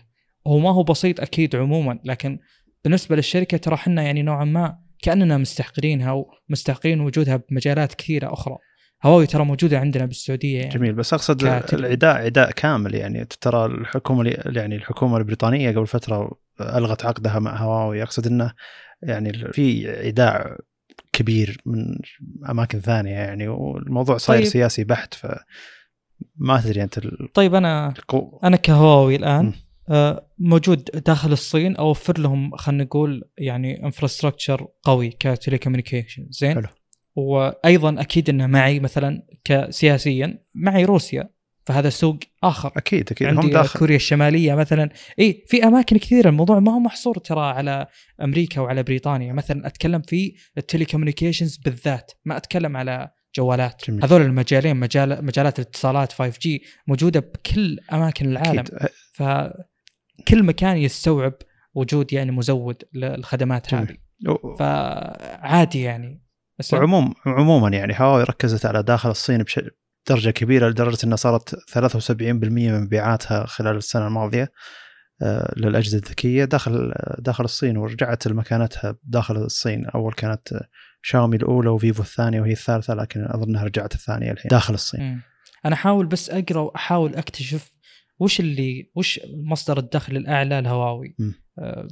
لكن للأسف ما لقيت شيء واضح يعني عشان نعرف بس وش اللي وش الش- الشيء اللي الشركة متكية عليه. أنا صراحة ما أتوقع إنها الأجهزة الذكية. هم ما هم ابل ترى. ابل يعني أكيد إنها أكثر شركة تربح مقابل أجهزتها. زين؟ جميل. آه، بينما هواوي لا ما تقدم شيء يعني بس hardware فأكيد إنها من ضمن الأقل يعني ربحية في هذا المجال. وعلى طاري في شيء ذكرته يخص آه، إن أنت سعيد إن هواوي رجعت وتقاتل. آه، بالنسبة لي صراحة يعني يمكن الكلام ذا يزعل الناس ما أشوف إنه يعني السوق عادي ينقص هواوي ترى كسوق إيه، أندرويد مو مشكلة وش فرق؟ وش فرق؟ لا بس ما فرق شيء بس يعني جاء جاء اللي يسد مكان هواوي ترى بالذات من الصينيين اي بس عموما يعني يعني جت شاومي عوضت أبو النقص بس. تركيزهم على السوق المحلي عندنا المقصد الخليج خاصة يعني الأجهزة الرائدة ما توصلنا فأقصد إن في مشكلة يعني هنا الحين لما يجيك واحد يبي جهاز أندرويد بشكل عام تقول له لا لا تاخذ جهاز سامسونج علشان معالجاتهم داخل أمريكا تختلف عن معالجاتهم خارج أمريكا. آه، هواوي ما, ما عندك خدمات جوجل فما عندك إلا شاومي ولكن مثلا شاومي فيفو أوبو مثلا أو أي شيء. ولكن هذه الاجهزه آه، ك يعني دعم محلي ما هي موجودة. يمكن أوبو بعض الأجهزة الرائدة موجودة لكن آه، شاومي الأجهزة الرائدة ما هي موجودة نهائيا لازم تطلبها من برا. وتعال عيش سالفة إن هل هذا الجهاز موجود بس بالصين ولا موجود نسخة عالمية ولا موجود فالمقصد إنه يصير في حوسة شوي يعني. مثلا وش تبي؟ وش الشركات الباقية؟ آه، موتوريلا آه، ما تستاهل. لينوفو ما لها ما لها تواجد. آه، إيش بعد؟ نوكيا اجهزه متوسطة. أقصد المقصد إن السوق ضايع لدرجة إن لو هواوي ما زالت مستمرة بتسيطر عليه. خاصة أتفهم. أقصد عندنا يعني بشكل عام. إي لا لا أتفهم. النقطة ذي واضحة بس آه، يعني خلينا نتكلم بشكل عالمي أكثر. مم. يعني أشوف ان سوقنا ترى يعتبر جدا بسيط جميل. جدا جدا بسيط. فمثل ما قلت إنه بالعكس والله بالعكس السوق يستوعب إن أحد المنافسين يسقط ويجرب خلينا نقول مسار آخر في يعني كسب حصص من السوق. عادي عادي جدا. يمون الموضوع ما ما ما يشكل عائق أصلا. أذكر حتى في واحد من, من اليوتيوبر الجانب اللي هو دايم ناخذ جزء من أخباره أو إذا كان في جزء من أخباره يعني مثير للاهتمام ولا لا. وقبل فترة سوى هو اللي هو يعني توقعاتي هل هي صح أو غلط. لأن كل أسبوع يسجل مقطع يوتيوب يقول إنه يتكلم عن أحداث التقنيه بشكل عام ويتوقع أشياء. كان هو من التوقعات إن سامسونج ما راح تركز على قطاع الأجهزة الذكية. ليش؟ لأن قطاع آه، تصنيع القطع الصغيرة ذي المايكرو مدري وشو اللي هو المعالجات والرامات وغيرها. microchips semiconductors اي أقصد ما أدري تعريبها يعتبر غبي فما أبي أقولها بشكل عربي. آه اللي هو تصنيع المعالجات والرامات تصنيع القطع الصغيرة هذه آه مرب اي مربح لهم بشكل كبير جدا. وأذكر حطت فيه قبل سنتين آه كم مليار كتطوير زيادة يعني. والآن بان اي أثر هذا الشيء بانفيديا فوش قالت هي؟ لا قالت إن هو قال توقعا يعني انه خلاص سامسونج ما هي يعني ما قاعد تدخل بسوق الأجهزة الذكية زي ما تدخل بسوق المبيعات الأجهزة القطع الصغيرة وتصنيع القطع الصغيرة هذه. فما راح تركز على إنها تكون الأولى عالميا ببيع الأجهزة الذكية مع إنها يعني لها كم سنة هي الأولى عالميا ببيع الأجهزة الذكية. آه، فقبل فترة قال إنه آه، لا أنا غلطت بالشيء هذا. سامسونج ما زالت هناك يعني ربحانة وما زالت قاعد تطور بسوق الأجهزة الذكية. بذاك الوقت أنا كنت أقول إنه مو شرط إذا كان عندك جزء يدخل فلوس أكثر من الفلوس إنك تتخلى عن الجزء اللي يدخل فلوس أكثر. كلهم فيهم مجال آه، تجاري وإنك تقدر تدخل فلوس ويرفع اسمك. ليش ما أطور فيهم اثنينهم؟ مو معناته إني أدفع مدري كم مليار على المجال اللي قاعد يدخل لي فلوس أكثر عشان يدخل لي فلوس أكثر مستقبلا عشان يتطور أكثر عشان ما حد يقدر ينافسني مثلا. مو شرط إني أتخلى عن مجال ثاني. وهذا كان آه، ردي عليه هذاك الوقت 2017 2018 يعني. هو جيدة النقطة هذه فكرة إنه يعني مو شرط إنك تتنازل عن شيء مقابل شيء ك كمنافسة. الشركة زي سامسونج وجودها بجميع الفئات بالأجهزة الذكية جميع الفئات. أصلا سامسونج يعني من الشركات اللي تخترع فئات جديدة. premium بس إنه ال hardware حقه مو flagship إلى آخره يعني. فالقصد إنه زي Z Flip القصد إنه آه، شركة عندها خطوط تصنيع عندها quality control على مجال معين عندها يعني خلينا نقول في خطوط إنتاج أصلا على مجال الجوالات. فمو مو منطقي إنها تتركه أصلا. ليش يعني؟ وبالعكس مع سقوط هواوي من المرشح الأبرز. أتوقع آه، سامسونج وشاومي. هم الأبرز إنهم يعني يأخذون حصص أكبر. فمو مو منطقي ذاك الكلام صراحة إن الشركة تترك شيء مقابل شيء آخر. بالعكس هذا محفز لأنك بتكون يعني آه، في شيء صراحة يعني حاول أتجنب أجيب طاريه لكن شكلي بجيب طاريه هالمرة. أنا قبل فترة قبل كم أسبوع آه، آه، أخذت شهادة متعلقة بصنع القيمة للأند يوزر. زين؟ أول كانت الفكرة إذا أنت بتشتري منتج معين تروح المكان المكان هذا يصنع المنتج من الألف للياء. زين؟ جميل. صح؟ جميل. يعني آه، آه، ما ما أدري شلون أجيب أمثلة بس خلينا نقول أمور الحرف. الشخص اللي بتشتري منه هو موفر كل شيء متعلق بالحرفة. زين؟ حلو. حبة حبة صار في خلينا نقول نوعا ما تكامل بموفرين الخدمة ذولا. يعني خلينا نقول بالسيارات أول أيام الموديل تي اللي هي أول سيارة تعتبر سيارة إنتاج وتباع للاشخاص العاديين خلينا نقول تباع بالسوق آه، من فورد تقريبا 1917 كذا. أتوقع وتصوري في ذاك الوقت إن يعني خلينا نقول فوق 90% أو 100% من السيارة هذه حتى متضمنة الكفرات تكون من مصنع واحد اللي هو فورد هي اللي تقدم هذه السيارة. جميل. زين؟ نمشي مع الوقت آه يصير السوق أكبر فمثل ما ذكرنا قبل كم حلقة يستوعب إن في أكثر من مصنع يشارك في العملية هذه بحيث إن كل شخص منهم أو كل معليش جهة منهم كل منظمة منهم أه تطور وتبتكر في المجال اللي هي مركزة عليه. مثلا تجينا شركة زي مشلن مثلا وتساهم في تطوير القيرات. القيرات ترتفع كفاءتها تقل الأعطال والمشاكل اللي تصيبها. أه بعدين بعد فترة مثلا تجينا شركة زي Tremec اللي هي شركة أه، شو اسمه transmissions نواقل حركة يعني وناقلات حركة. زين؟ جميل. تجي الشركة هذه تتخصص في المجال هذا بحيث إنها تطوره وبحيث إنها تشيل ال overhead من الشركة الأساسية اللي هي فورد مثلا إنها يعني جهودها تضيع على مجالات متعددة. وش تركز عليه؟ ما تدري. زين؟ فمثل ما قلنا الآن السوق تغير وصار على قولتهم service based من ناحية إنه يفضل والأفضل للجميع. لجميع الأطراف إن المصنعين يصير بينهم زي ما نقول آه، مثلا تناغم بحيث إنه يخلي المنتج أفضل.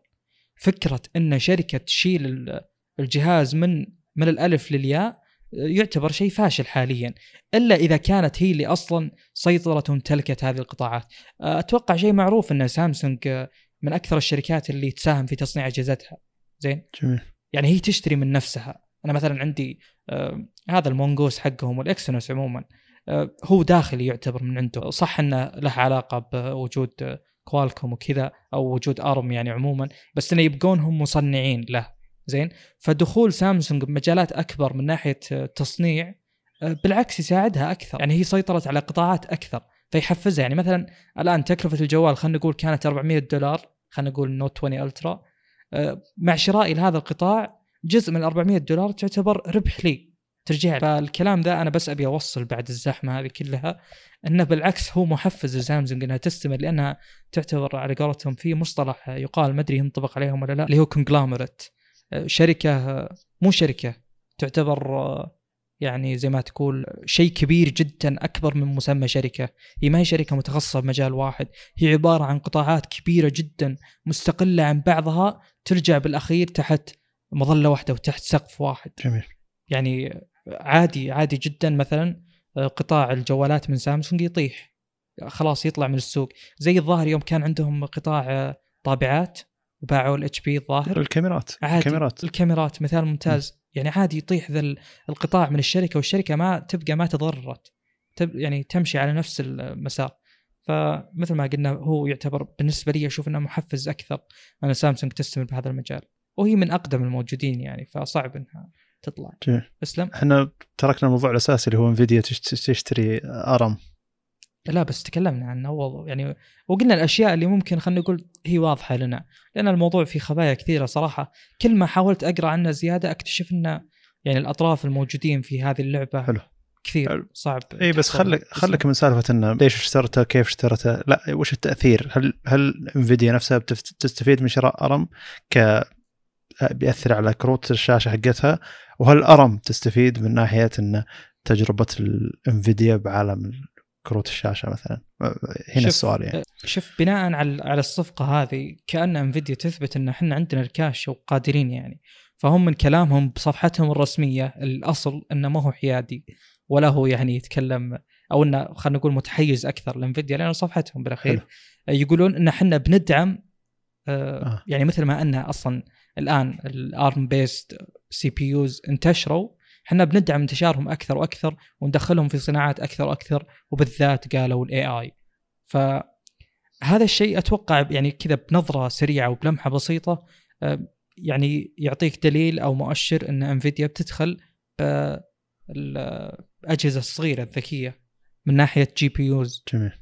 بدل Adreno بدل ما أدري وش اسمه ذا حق MediaTek فهذا أول شيء. ثاني شيء هم قالوا إنهم بيدعمون الأبحاث في هذا المجال. آه، فمثل ما قلت هذا يدعم موضوع ان آه، انتشار ال ARM based CPUs بيصير أكثر. يعني إحنا قلنا قبل يمكن 20 حلقة ولا أكثر يوم ذكرنا نقطة إن امبير شركة فاتحة ب 2017 تأسس 2017 آه، شركة تسوي معالجات سيرفرات مبنية على ARM. جميل. فاتوقع Nvidia بتاخذ نفس هذا الاتجاه اللي هو ان ال RISC ال ARM based CPUs بتدخل مجالات أكثر وأكثر من اللي هي داخلة عليه. يعني مثلا فكرة إن شفت اللابتوب حق سامسونج Galaxy Book ما أدري إيش اسمه اللي معالجه 8cx وال شو اسمه ال Surface Pro X جميل. هذولا تواجدهم بيصير أكثر بحكم إن Nvidia أصلا تقول إنها بتدعم انتشار هذه الأشياء. وطبعا أكيد أكيد يعني بلا أدنى شك انتشار هذه الأشياء هو عبارة عن زي ما تقول ضربة ال AMD وال Intel لأنها تأخذ من حصتهم بشكل مباشر. فأكيد هي بتساهم وبتحاول إنها تدخل المجالات أكبر وأكبر. إحنا أصلا حلقة يعني اللي يبي كلام أكثر بخصوص طرح أرم في السوق ذاك الوقت اللي هو تكلمنا عنه في حلقة رقم 36 وتكلمنا أيضا عن لو من العنوان. آه، ومن العنوان تلقاه نعم. إحنا تكلمنا أكثر بذيك الحلقة عن لو إن انفيديا أخذت آرم مش ممكن يصير. فهنا زي اللي قاعد افصل زيادة فهناك في كلام أساسي أكثر. إذا كنت ما سمعت ذيك الحلقة أساسا لأن إحنا مرات بالحلقات يعني خلال السنة الماضية يعني نتكلم موضوع ثم نقول تكلمنا عنه في الحلقة وتكلمنا عنه مسبقا فممكن الواحد يضيع انه ما يكون عنده الأساس فما يلحق إنه يسمع تفاصيل الزيادة. فعشان إذا ما سمعت ذيك الحلقة تقدر تسمعها عشان يكون عندك الأساس بشكل أكثر وعشان يكون هذه التفاصيل الزيادة بس. جميل. آه طيب نروح للموضوع اللي بعده. حلو. آه طيب الجي الجي قبل شوي يعني العصر اليوم تاريخ 14 سبتمبر. 16 آه أعلنت عن جهاز الجي وينج اللي هو تكلمنا عن فكرة التصميم حقه اللي تعتبر جدا غريبة اللي فيه نص شاشة وشاشة وكل الشاشتين ذي اللي ما فهمتها أنا ذاك الوقت. اللي الشاشتين تنطبق على بعض. زين انهم حاطين الصورة واضحة كذا بالوجه إن الجهاز يجيب شاشه عرضية وشا... ونص شاشة طولية تقدر تمسكها تقدر تستخدمها بأكثر من طريقة. أعلنوا عن كافة التفاصيل. الجهاز بوزن 260 جرام بسماكة 10.9 ملم الجهاز يجيب معالج Snapdragon 765 شاشة P-OLED شاشتين شاشة 6.8 إنش وشاشة أظن 3.9 إنش الشاشة الصغيرة اللي تعتبر نص شاشة تقريبا. الشاشة الداخلية G-OLED ما قد سمعت عن الشاشة هذه. وفي شاشة اللي هي P-OLED اللي هي اللي تستخدمها LG سابقا يعني من زمان للحين تستخدمها. آه كانت موجودة أظن على أجهزة بيكسل 2 وذاكره خارجية يقبل ذاكرة خارجية والذاكرة الداخلية 128 أو 256 آه 8 جيجا RAM للنسختين نفسهم. الكاميرات آه ثلاث كاميرات. الأساسية اللي هي 64 ميجا بكسل والثنتين ultra wide واحدة 13 واحدة 12 ميجا بكسل وواحده أوسع من الثانية بشكل بسيط يعني واحدة 117 الزاوية وواحده 120 الزاوية. الكاميرا الاماميه تجي زي ال pop-up camera لأنهم ما هم قادرين يحطونها بأي مكان يعني. الشاشة ذي تنقلب والشاشة اللي تحت صغيرة ما تقدر تحطها عليه فالشاشة الكاميرا ال pop-up هذه 32 ميجا بكسل تعتبر كاميرا جيدة نوعا ما. الجهاز على كلامهم إنه بيجيب 1000 دولار سعره ب 4000 ملي امبير بطارية اللي هو البصمة حقت الشاشة تحت الشاشة تجي وبصمة واحدة. فالغريب إنها على الشاشة اللي تدور فإذا دارت الشاشة روح دور البصمة على الجهة الثانية. مدري. يعني أو إنك إذا كانت على على البصمة البصمة على الشاشة اللي داخل فلازم تدور الشاشة علشان تقدر تدخل. التصميم غريب بالنسبة إنهم يحطون البصمه على الشاشة. كان ودي يحطون البصمه على الزر يكون شيء أكثر عملية. التصميم كله ككل كليا يعني تحس إنه شيء ما هو ذيك العملية تحس من اللي فكر إنه يكون في جهاز بهالشكل يكون عملي جدا. أه يدعم الشحن السريع حق Qualcomm الأساسي يعني ف أي معالج 765 يدعم الشحن ذا. وفيه ضد الماء والغبار اللي هو IP54 اللي هو يعتبر بس splash proof ما تقدر تغطسه بالماء أو تصير فيه ضغط عليه. ما عندهم أي ضمان من ناحية إن الموتر هذا بيشتغل بشكل ممتاز ولا لا من ناحية إذا انكسر وكذا. الشركة ما قالت أي شيء على إنه كم تقدر تستخدمه مرة باليوم كم القوة حقته مع إنه في الغالب إذا تكلموا عن أي شيء من هالأشياء يعني حتى موتوريلا يوم اعلنوا عن جهاز ال Razr ولا سامسونج يوم أعلنوا عن ال Fold ولا OnePlus يوم أعلنت عن أول كاميرا منبثقة اللي هي فوق الشاشة لها. تكلمت عن أرقام أنه خلال خمس سنوات تقدر تستخدمها إلى مية ألف مرة باليوم إلى 200 200 مرة مثلا وزي كذا. فلكن هنا ما تكلموا عن أي شيء من ناحية الموتور اللي يحرك الشاشة يخليها تدور ويصير الجهاز على شكل حرف T نص شاشة بيدك ونص شاشة تجي بشكل عرضي. طلعوا طريقة إن شلون تقدر تستخدمها بأوضاع مختلفة يعني. لكن الجهاز ما يستاهل ألف دولار نهائيا على الفكرة هذه يعني ويعني شيء غريب صراحة. يعني أتمنى أن LG تركز على أنها تعطينا جهاز محترم عادي ولا تركز على أنها تعطينا جهاز بأفكار غريبة. لأن كل تركيزها على أجهزة متوسطة وأعلى جهاز عندها حاليا بمعالج 765 G. فودنا أنها تطلع جهاز flagship محترم يقدر ينافس. بس يا أخي الشركة هذه غريبة. تركيز تركيزها على التسويق خاصة في أمريكا أقوى من أي أقوى من تركيزها على أي شيء ثاني. ف حتى من ضمن كنت أسمع بودكاست أمريكي قبل فترة فمن ضمن السوالف إنه يكون عندك جهاز مثلا Android Galaxy أو LG Velvet أو أو بيكسل فهمت؟ زي اللي من قوة تسويق الجهاز هذا صار نظام إنه يا عندك iPhone يا عندك جهاز Android Galaxy أو بيكسل أو LG Velvet فتكون أنت لحظة. في أجهزة كثيرة غير الجهاز يعني اولى إنها تنحط اسمها مع مع Android كبداية بدل هالجهاز يعني على الأقل وش OnePlus شاومي ولا أوبو ولا فيفو LG Velvet يعني جهاز جدا جديد متوسط وما يستاهل سعره فشيء يعتبر غريب طيب أنا ببدأ أعلق على الشاشة أول شيء P-OLED يعني plastic و G-OLED يعني glass بحسب اللي قريته طبعا جميل آه، تصميم الجهاز وفكرة المفصل هذا للأمانة للأمانة. أنا ما أشوف إنها يعني سيئة جدا. أشوف إن هذا الشيء يعني آه، ما أشوف إنه زي فكرة الفولد إن القزازة نفسها أو الشاشة نفسها قابلة للثني إنها ممكن هذه تصير المستقبل هذه ما أتوقع إنها تستمر بشكل كبير. آه، لكن كفكرة أشوف إنها جيدة. المشكلة مثل ما ذكرت أنت اللي هو يعني آه، قلة أو عدم الحرص على المواصفات. يعني أنت الآن رحت للشيء الأصعب إنك تحط مفصل زي كذا وعلى طاري التجارب أنت كأنك قلت انه ما ذكروا شيء يخص هذه الأمور. في أحد ال YouTubers قال إنه جربوا 200 ألف مرة وكان كلها يعني تمام ما ما فشل ولا وقف. أه، الشاشات كلهم للأسف 60 هرتز ف شيء سيء. يعني مثلا إحنا الآن شفنا بال Z Fold 2 اللي داخل واللي برا كلهم 120 فهذا وش حجته؟ زي هذا حتى الشاشة نفسها زي Z Fold 2 اللي برا 60 واللي داخل 120 أكيد أي نعم. طيب جميل مو مشكلة آه، الجهاز هذا يعني ما أشوف إنه في حجة تخلي يعني ولا شاشة مثلا أكثر من 60 آه، اللي يقهرني بالشركات اللي تجي بالطرق هذه إنك أنت الآن يعني رحت الخطوة الصعبة سويت الشيء الصعب الغير اعتيادي ليش صعب عليك إنك توفر hardware premium وين وين الصعوبة بالموضوع. يعني المعالج أنت قللت منه وأيضا حتى يعني ال 4000 تعتبر قليلة على شاشتين بستخدمهم بنفس الوقت مو زي مثلا ال Z Fold أو ال Fold عموما انه بستخدم واحدة بكل يعني في كل لحظة مثلا. حلو. فرغم رغم فرق الحجم يعني بس إنه للأسف هم يعني تعرف اللي الجهاز اللي المفروض يكون مجرد concept ولا أكثر من كذا؟ لأن على هذه المواصفات يعني أنت الآن ألف دولار السعر ما يعتبر سيء لو كانت المواصفات عالية بالعكس بيكون الجهاز أتوقع بيلقى قبول يعني. الشيء الغريب انه كيف الشركات هذه زي LG مثلا تقدر آه، تسوي ابتكارات جديدة وأشياء تندفع عليها فلوس وهي ما هي ناجحة بالسوق. بس كيف إن كل مرة تجينا بشيء كذا غريب؟ أنا ما أعتقد إنها ما هي ناجحة بالسوق. أعتقد إنها لها مبيعات حتى أكثر من سوني لكن بالمجال الأجهزة المتوسطة يعني. وترى لهم محبينها يعني. LG في لها فئة خاصة بالمنتديات حقت المطورين ذي وفي في ناس يحبون LG فعلا. وخاصة انه مثلا من بعد ال LG G5 مدري إذا جي 7 جي جي 8 آه، صارت اللي تعطيك اشياء أساسية تعطيك بطارية قوية كذا كذا كذا بس إنه تصميم شوي يلا بالخير ولا بس إنه تعطيك الأشياء الأساسية يعني جهاز يخدمك فعليا. وغير انه في سالفة ترى دعم ال ROM ات وغيرها يعتبر جيد خاصة إن آه، التسويق في أمريكا ممتاز فالمطورين الأمريكان اللي يطوروا ال ROM ات آه، يعني مطورين له أشياء كثيرة.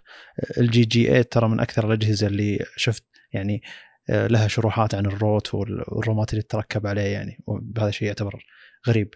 لكن الجهاز موفر اساسيات جهاز كان مثلا سميك كان آه، نوعا ما قبيح يعني أسود ما في إلا لون أسود وفيه نتوء بالشاشة يعتبر مو بمرة. هي ما هي متوفرة عندنا ترى يعني ما لها وكيل أصلا. LG الأجهزة الذكية المقصد LG الشاشات موجود لها وكيل. بس المقصد إنه LG من طبعها تسوي أشياء غريبة. يعني تذكر LG G5 لما لما كانوا مصرين إنهم يسوون جهاز الومنيوم لكن الجهاز تغير بطاريته فتقدر تفكه من تحت بطريقة معينة عشان تغير البطارية. أيام كان تغيير بطارية يعتبر شيء مهم بالجهاز مثلا أو ال mods اللي كانت تركب عليه نفس LG G5 وبعدين ما استمروا على الفكرة. فكانت تقدم أفكار غريبة يعني تنجح ما تنجح مو مشكلة. بس أعتقد إنه يعني مرات تحس إن الشركة آه، تسوي جهاز زي كذا علشان ينذكر اسمها بشكل أكثر وتطلع بالأخبار بشكل أكثر عشان ما تنسي وتلقى أصلا كمية التصنيع يعتبر تعتبر قليلة ما هي كثير. ما أدري. لكن عموما ترى يعني التسويق في يعني سواء للشاشات أو الأجهزة الذكية ال جي في أمريكا الشمالية كقارة يعني نتكلم عن كندا والولايات المتحدة وذولي آه، التسويق قوي جدا. وهم طبعا عندهم أقوى إعلام فتشوف باليوتيوب وغيرها خاصة إذا بحثك بالإنجليزي دايم آه، الشاشات والجوالات آه، هناك خاصة حقت LG لها تسويق عالي جدا. طيب في نقطة أخيرة ودي أذكرها بخصوص الجهاز هذا اللي هو للأمانة لو تقارنه بال Z Fo Z Flip اللي هو الجهاز العادي اللي ينصفط يصير مربع من سامسونج ما هو الفولد الكبير أيوه.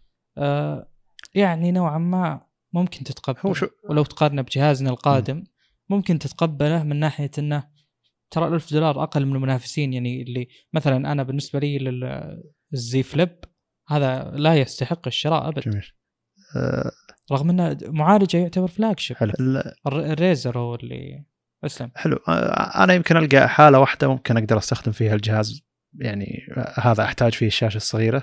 إذا كنت مشغل محتوى عرضي وكنت مثلا أبي أكمل محادثة على الواتساب تحت لكنهم ما عرضوا الشيء ذا ك ك كأسلوب استخدام مثلا.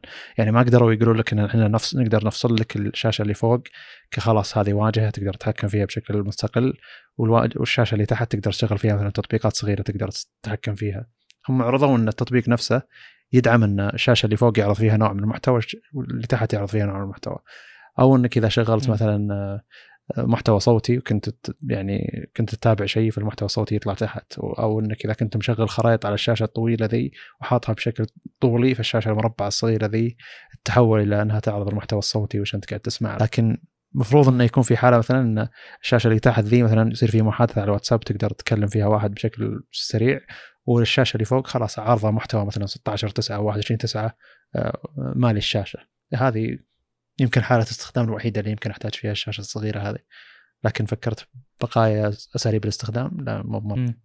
آه في شيء بعد شوي آه، يعني يقهر اللي هو الشاشة ال- اللي تحت اللي يعني إذا رفعت الشاشة الأساسية تطلع لك.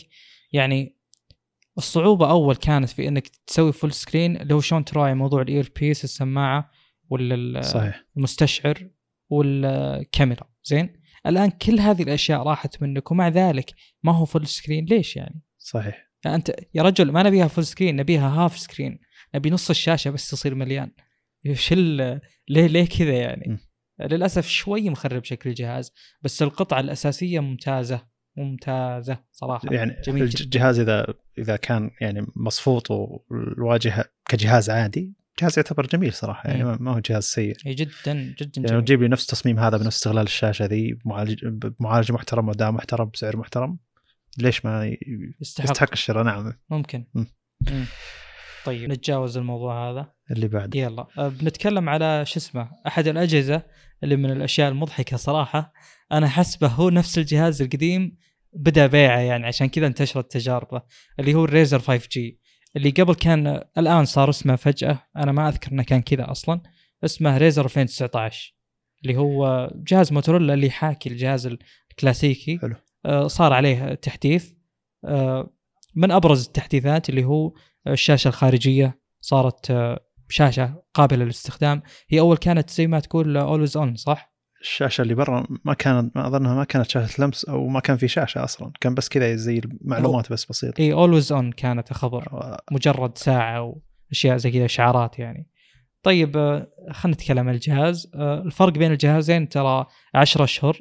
آه، ما هو سنة. أنا كنت متوقع إنه حول السنة فممكن ما يكون أصلا تطوير جذري يعني عادي. الجهاز صار أخف وهذا شيء غريب صراحة. أول 205 جرام الآن 192 آه، نفس اللي قبل آه، كلهم P-OLED استغلال ال- مساحة الشاشة مقابل ال body. طبعا هو كان سيء أصلا من اول هو آه، 70.2 آه، الآن 70.7 ما فرق شيء كبير يعني شيء بسيط جدا جدا.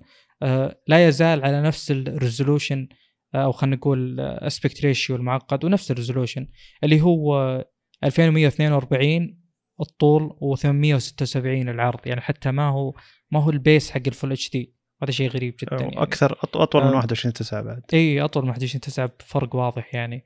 طيب الشاشة الخارجية آه، 600 ب 800 إيه 2.7 آه، الغريب إنه ب GSMArena ماني ماني متأكد إذا هذا الشيء حقيقي ولا لا.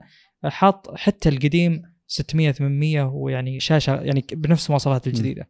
أتوقع إنه غلط ماني متأكد لا لا في. في شاشة شاشة خارجية بس ما كانت تخدم مثل الشاشة الحالية. يعني الظاهر مشكلة. software ما هي مشكلة امم حلو. طيب آه، المعالج أول 710 الآن آه، 10 نانو اللي قبل الآن 765 ب 7 نانو.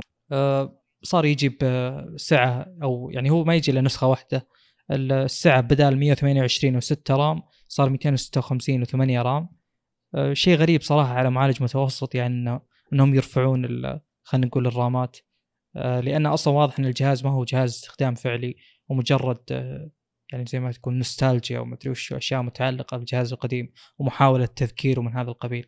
آه، طيب ال- الكاميرا الأساسية كانت 16 ميجا بكسل 1.7 لا تزال 1.7 بس إنها 48 ميجا بكسل آه، واضح إنها يعني تغيرت بشكل كبير. آه، أمور أخرى ما في يعني ك resolutions وكذا بحكم إن المعالجين تقريبا بنفس الفئة فكلهم 4K 30 آه، ما في فرق. الكاميرا الأمامية آه، انتقلت من 5 ميجا بكسل آه، 2.0 إلى 20 ميجا بكسل 2.2 ففي شغل شوي على الكاميرات وأنا أتوقع إن هذا المجال اللي آه، ما تفرق كثير أو ما يفرق كثير إذا اشتغلت عليه أصلا. يعني أتوقع الناس كانت حريصة أكثر على إن ال hardware يكون أفضل خصوصا وإنهم يعني بيدفعون آه، كم؟ 1550 يورو. آه، كم؟ 1500 دولار تقريبا. يعني ما- ما 1400. أدري عن السعر الرسمي. 1400 1400 امم نفس السعر القديم. آه، البصمة آه، وراء. السابق كانت بصمته قدام اللي تحت صح؟ إي نعم. بال chin هذا إيه الآن صارت وراء. اللي ورا آه، تعتبر. مخفية جيدة صراحة. حاطينها على شعار موتوريلا نفسه كذا. ورا في شعار موتوريلا ما. أدري إن البصمة إلا إذا يعني حلو. يشرح لك المفروض ان هذه البصمه أم، البطارية 2800 سابقا كانت 2510 الرقم متواضع جدا. يقول لك ميزته أبرز ميزة يعني بالجهاز كله إنه يدعم fast charging 15 واط. آه، مثل ما تك- تكلمنا قبل اللي هو نقطة إن fast charging صار مصطلح يعني جدا مطاط ولا تقدر يعني ما, ما في شيء يحكمه ما هو ب range معين. من 15 واط إلى 120 اي بس هو أقصد معالج 765 فالمفروض خلاص يدعم ال Quick Charge 4.0 يعني Qualcomm Quick Charge 4.0 مم. بس إن هذا مرات يهملونها بالمواصفات يعني.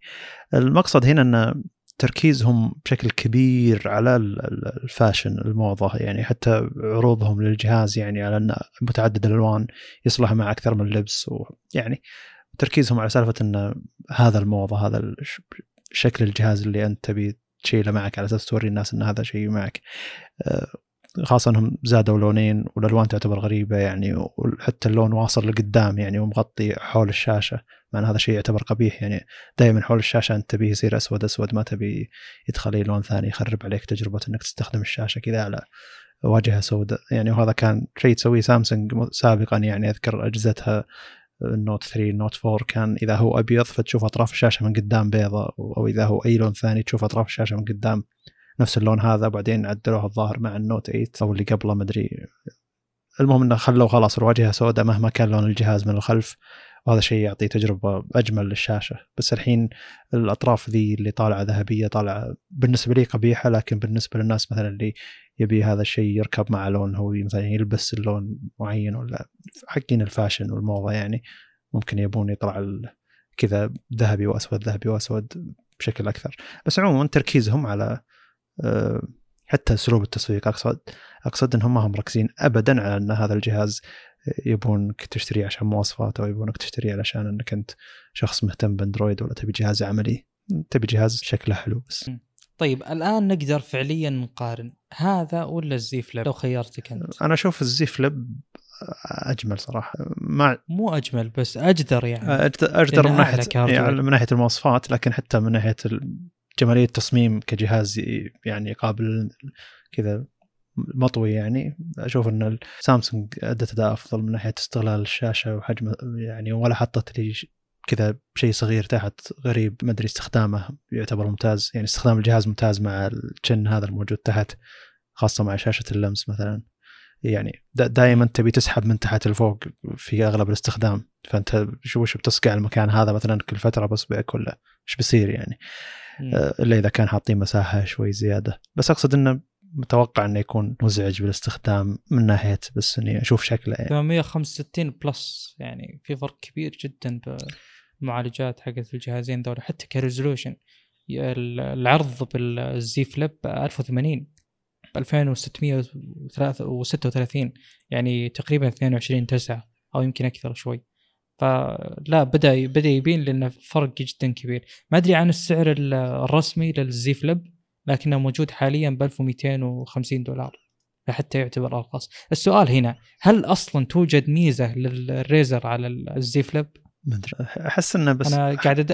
إيه. أبي ألقى واحدة بس ماني لاقي. اسلم لا حركات قلت لك حركات تسويقية إنه أوه موتوريلا ريزر كان موجود والحين موجود يعني حركات ذي يعني إنه صدقني مو هدفهم إنهم ينافسون سامسونج مع الزي فليب حقهم لأنه ما في أمل من ناحية المواصفات يعني.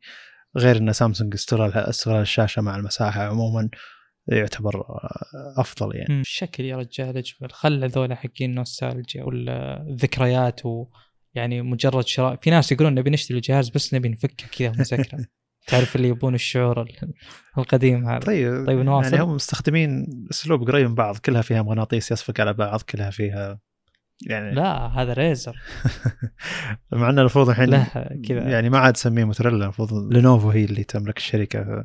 هي واجهت. لينوفو داخل داخل أمريكا. آه طيب آه، في موضوع أخير. وبعدها عندي بعدها بنسولف شوي طبعا. هي يمكن أول مرة نسولف في البودكاست خارج موضوع خارج مواضيع التقنية عموما لأن كملنا سنة وبنتكلم عن أشياء إحنا كملنا سنة يعني أو مشاعر. آه الله آه، طيب أول شيء إن بعض مزايا تطبيق المكالمات المخصص لجوجل اللي هو موجود على أجهزة بيكسل اللي تكلمنا عنه اللي هو screen calling يسمونه أو شيء زي نسيت الاسم بالضبط وشو لكن إذا كان عندك جهاز بيكسل عندك آه، تقدر تتصل على آه، مثلا اتصل عليك أحد وأنت باجتماع وما تبي ترفع صوتك أو مكان ما تقدر تتكلم فيه بشكل مباشر تقدر ترد وتحط ال screen calling هذه. يعطيك المتكلم وش قال بالضبط وتقدر ترد عليه فيرد عليه آه، يعني زي اللي مساعد جوجل الصوتي اللي هو الشخص اللي يمثل مساعد جوجل الصوتي عندك يرد عليه بالأشياء اللي أنت تضغطها له فتصير خلاص زي المحادثة المباشرة آه، بدال ما إنك أنت تقدر تكلمه مكالمه على طول.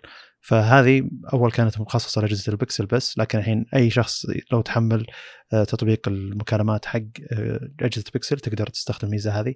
لكن للأسف الظاهر إنها الحين ما تشتغل آه، على اللغة الإنجليزية واحتمال إنها ما تشتغل داخل أمريكا ما أدري وشو هل فعليا أو لا لكن الحين ما تشتغل على اللغة الإنجليزية هذا شيء مؤكد. داخل أمريكا وخارج أمريكا هذه غير متأكد منها. لكن شيء جيد إن جوجل قاعد تسمح بمزايا زي كذا خارج بيكسل ما أدري إذا كان آه، المزايا المزيد من المزايا بتطلع من أجهزة بيكسل لأن إذا طلعت المزايا من أجهزة بيكسل فبيفقد بيكسل بعض البريق حقه من ناحية إنه في خدمات جوجل تقدمها هنا ما تقدمها لغيرهم. مثل مثلا التسجيل الصوتي حق التطبيق حقهم اللي يعطيك آه، آه، نصيا وتقدر تبحث بالنص علشان يطلع لك أماكن اللي قالها بالمحادثه بالتسجيل الصوتي اللي أنت سجلته. هذا تكلمنا عنه بشكل سابق. ممكن زي التطبيق هذا يطلع للناس عموما جوجل تقول ما هو بس لاجهزه بيكسل تقدر تحمله أي شخص يقدر يستخدم المزايا هذه.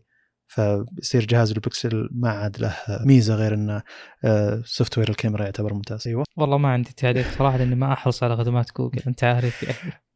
أوف آه، تصريح قوي هذا يعتبر ترى المفروض. لا يعني شوف شوف لا وجود الخدمات أمر. نزول التحديثات لها أمر آخر ولا قد انتظرت. يعني ما قد قعدت كذا يا ربي متى توصل هالميزة؟ لا بس اقصد ابدا. خلها تجي وتفاجئ. بس المقصد إن جوجل لما تكبر راسها على سالفة انه بس شيء ذا اجهزه بيكسل ثم حطتها لباقي الناس يعتبر شيء جيد يعني. إن أي شخص مستخدم أندرويد يقدر يستخدم الميزة هذه؟ ترى ميزة قوية والناس يعني تفاجأت منها بمؤتمر جوجل المطورين مدري 2019 أظن طيب. الميزة هذه. هل توجه جوجل واضح في موضوع البكسل؟ والله العظيم عجزت أفهم أنا صراحة.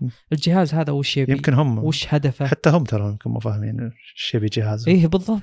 بالضبط. أتوقع شوي ال- الإدارة اللي ماسكة الموضوع هذه تتغير ولا. شيء يعني أمر من هذا القبيل. اسلم آه طيب المفروض إنه خلصنا الحين. المفروض جميل. آه، بس آه، 18 سبتمبر 2019 هو كان بداية البودكاست فنزلت أول حلقة بودكاست لو تقدر تروح تسمعها بت- بتحصل فرق الجودة من ناحية الإلقاء الكلام الأسلوب التناغم آه، جودة الصوت. آه، فالحمد لله ان تطورنا التطور هذا. آه، شكرا لك إنك قاعد تسمع بشكل يعني بمواظبة ممتازة. أنا صراحة عندي قناة يوتيوب عندي ناس على تويتر عندي من إنستغرام لكن يعني حتى لو استمريت فترة هناك يعني مدة شهرين ثلاثة أربعة ما في استمرارية من الناس اللي يتابعون من ناحية التفاعل من ناحية إنه يسمعون لك أو يشوفون مقاطعك على يوتيوب مثلا أو يشوفون مقاطعك على إنستغرام. لكن زي استمرارية الأشخاص اللي يسمعون البودكاست يعني نفس عدد السماع قاعد نوصل له مع كل حلقة ويزيد شوي. مع كل حلقة ويزيد شوي فالمستمعين هم نفسهم قاعد يسمعون لنا بشكل متواصل. آه، فش أحس إنه في ولاء من المستخدم هذا أو المستمع هذا.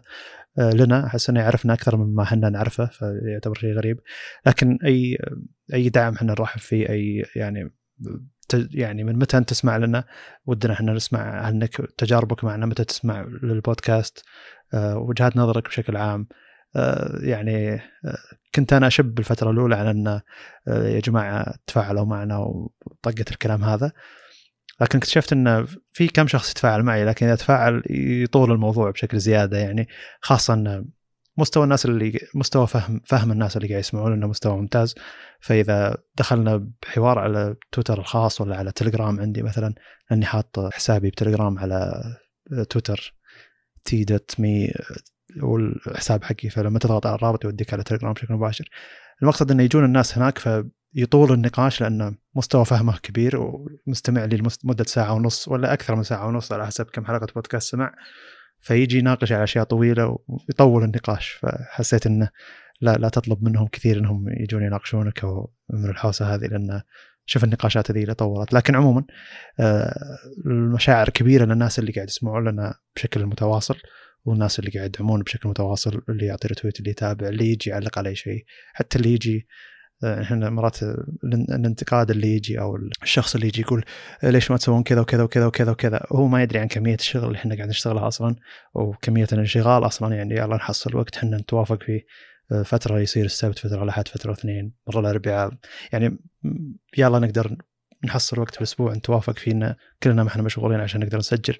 ف غير كذا يبي يجي شخص ويعطي اقتراحات تعتبر كبيرة على إن إحنا نقدر نسويها.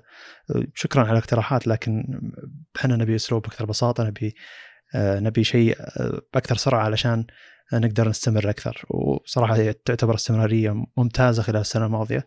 وآخر ثلاث شهور السماعات تعادل اول تسع شهور فآخر ثلاث شهور كانت ممتازة جدا من ناحية السماعات. واستمراريتنا أيضا على إن ننزل على اليوتيوب يعتبر شيء جيد مع إنه معنا نفس المقطع الصوتي ننزله هناك لكن في البداية ما كان عندنا خدمة تنزل المقطع المقطع الصوتي على اليوتيوب بشكل مباشر. وكنا لازم نخليه صوت صوت يعني ما نبي نخلي صوت وفيديو يعني. لكن الحين ما عندنا مشكلة نخليه بس صوت لأن تجربة الناس تعتبر ممتازة هناك. آه، شخصيا يعني أتكلم عن نفسي وهذا شيء قلته صالح الحلقة الماضيه يعني. كنت متورط يعني في بداية البودكاست إنه آه، في جزء من السنة ما راح نلقى مواضيع في جزء من السنة آه، بتكون تقنية نايمة وكذا.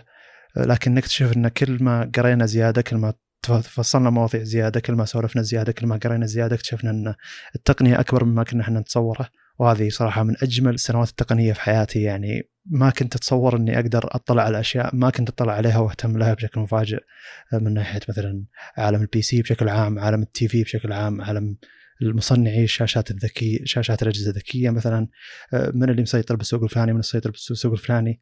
آه، عموم تصوري عن الشركات وتنافسها آه، مع بعض. عموم تصوري عن شلون الأنظمة تشتغل شلون تكلمنا عن الرامات تكلمنا عن أشياء كثيرة من ناحية بناء النظام بناء التطبيقات شلون التطبيقات تشتغل شلون ال RAM management. تكلمنا عنه كثير وللحين ما إحنا قادرين نحلله بشكل ممتاز المقصد يعني.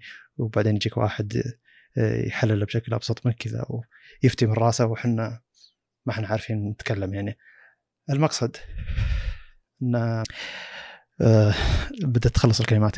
المقصد انه يعني لما بدينا نسولف أكثر وبدينا نجمع مواضيع صار فيه زي المصطلح إحنا مشتركين فيه يعني اللي هو الموضوع التقني لما يجي نقول هذا الموضوع بودكاستبل يعني قابل الموضوع التقني هذا قابل ان نحطه بالبودكاست ولا ما هو جدير نحطه بالبودكاست فصاير تنقينا المواضيع يعتبر ممتاز.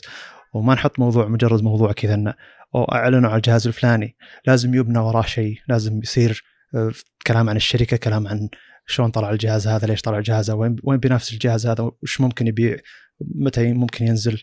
وكيف ممكن يشتغل الجهاز والاداء اللي بيجيك عليه بعدين مقارنته بالأجهزة الموجودة في السوق.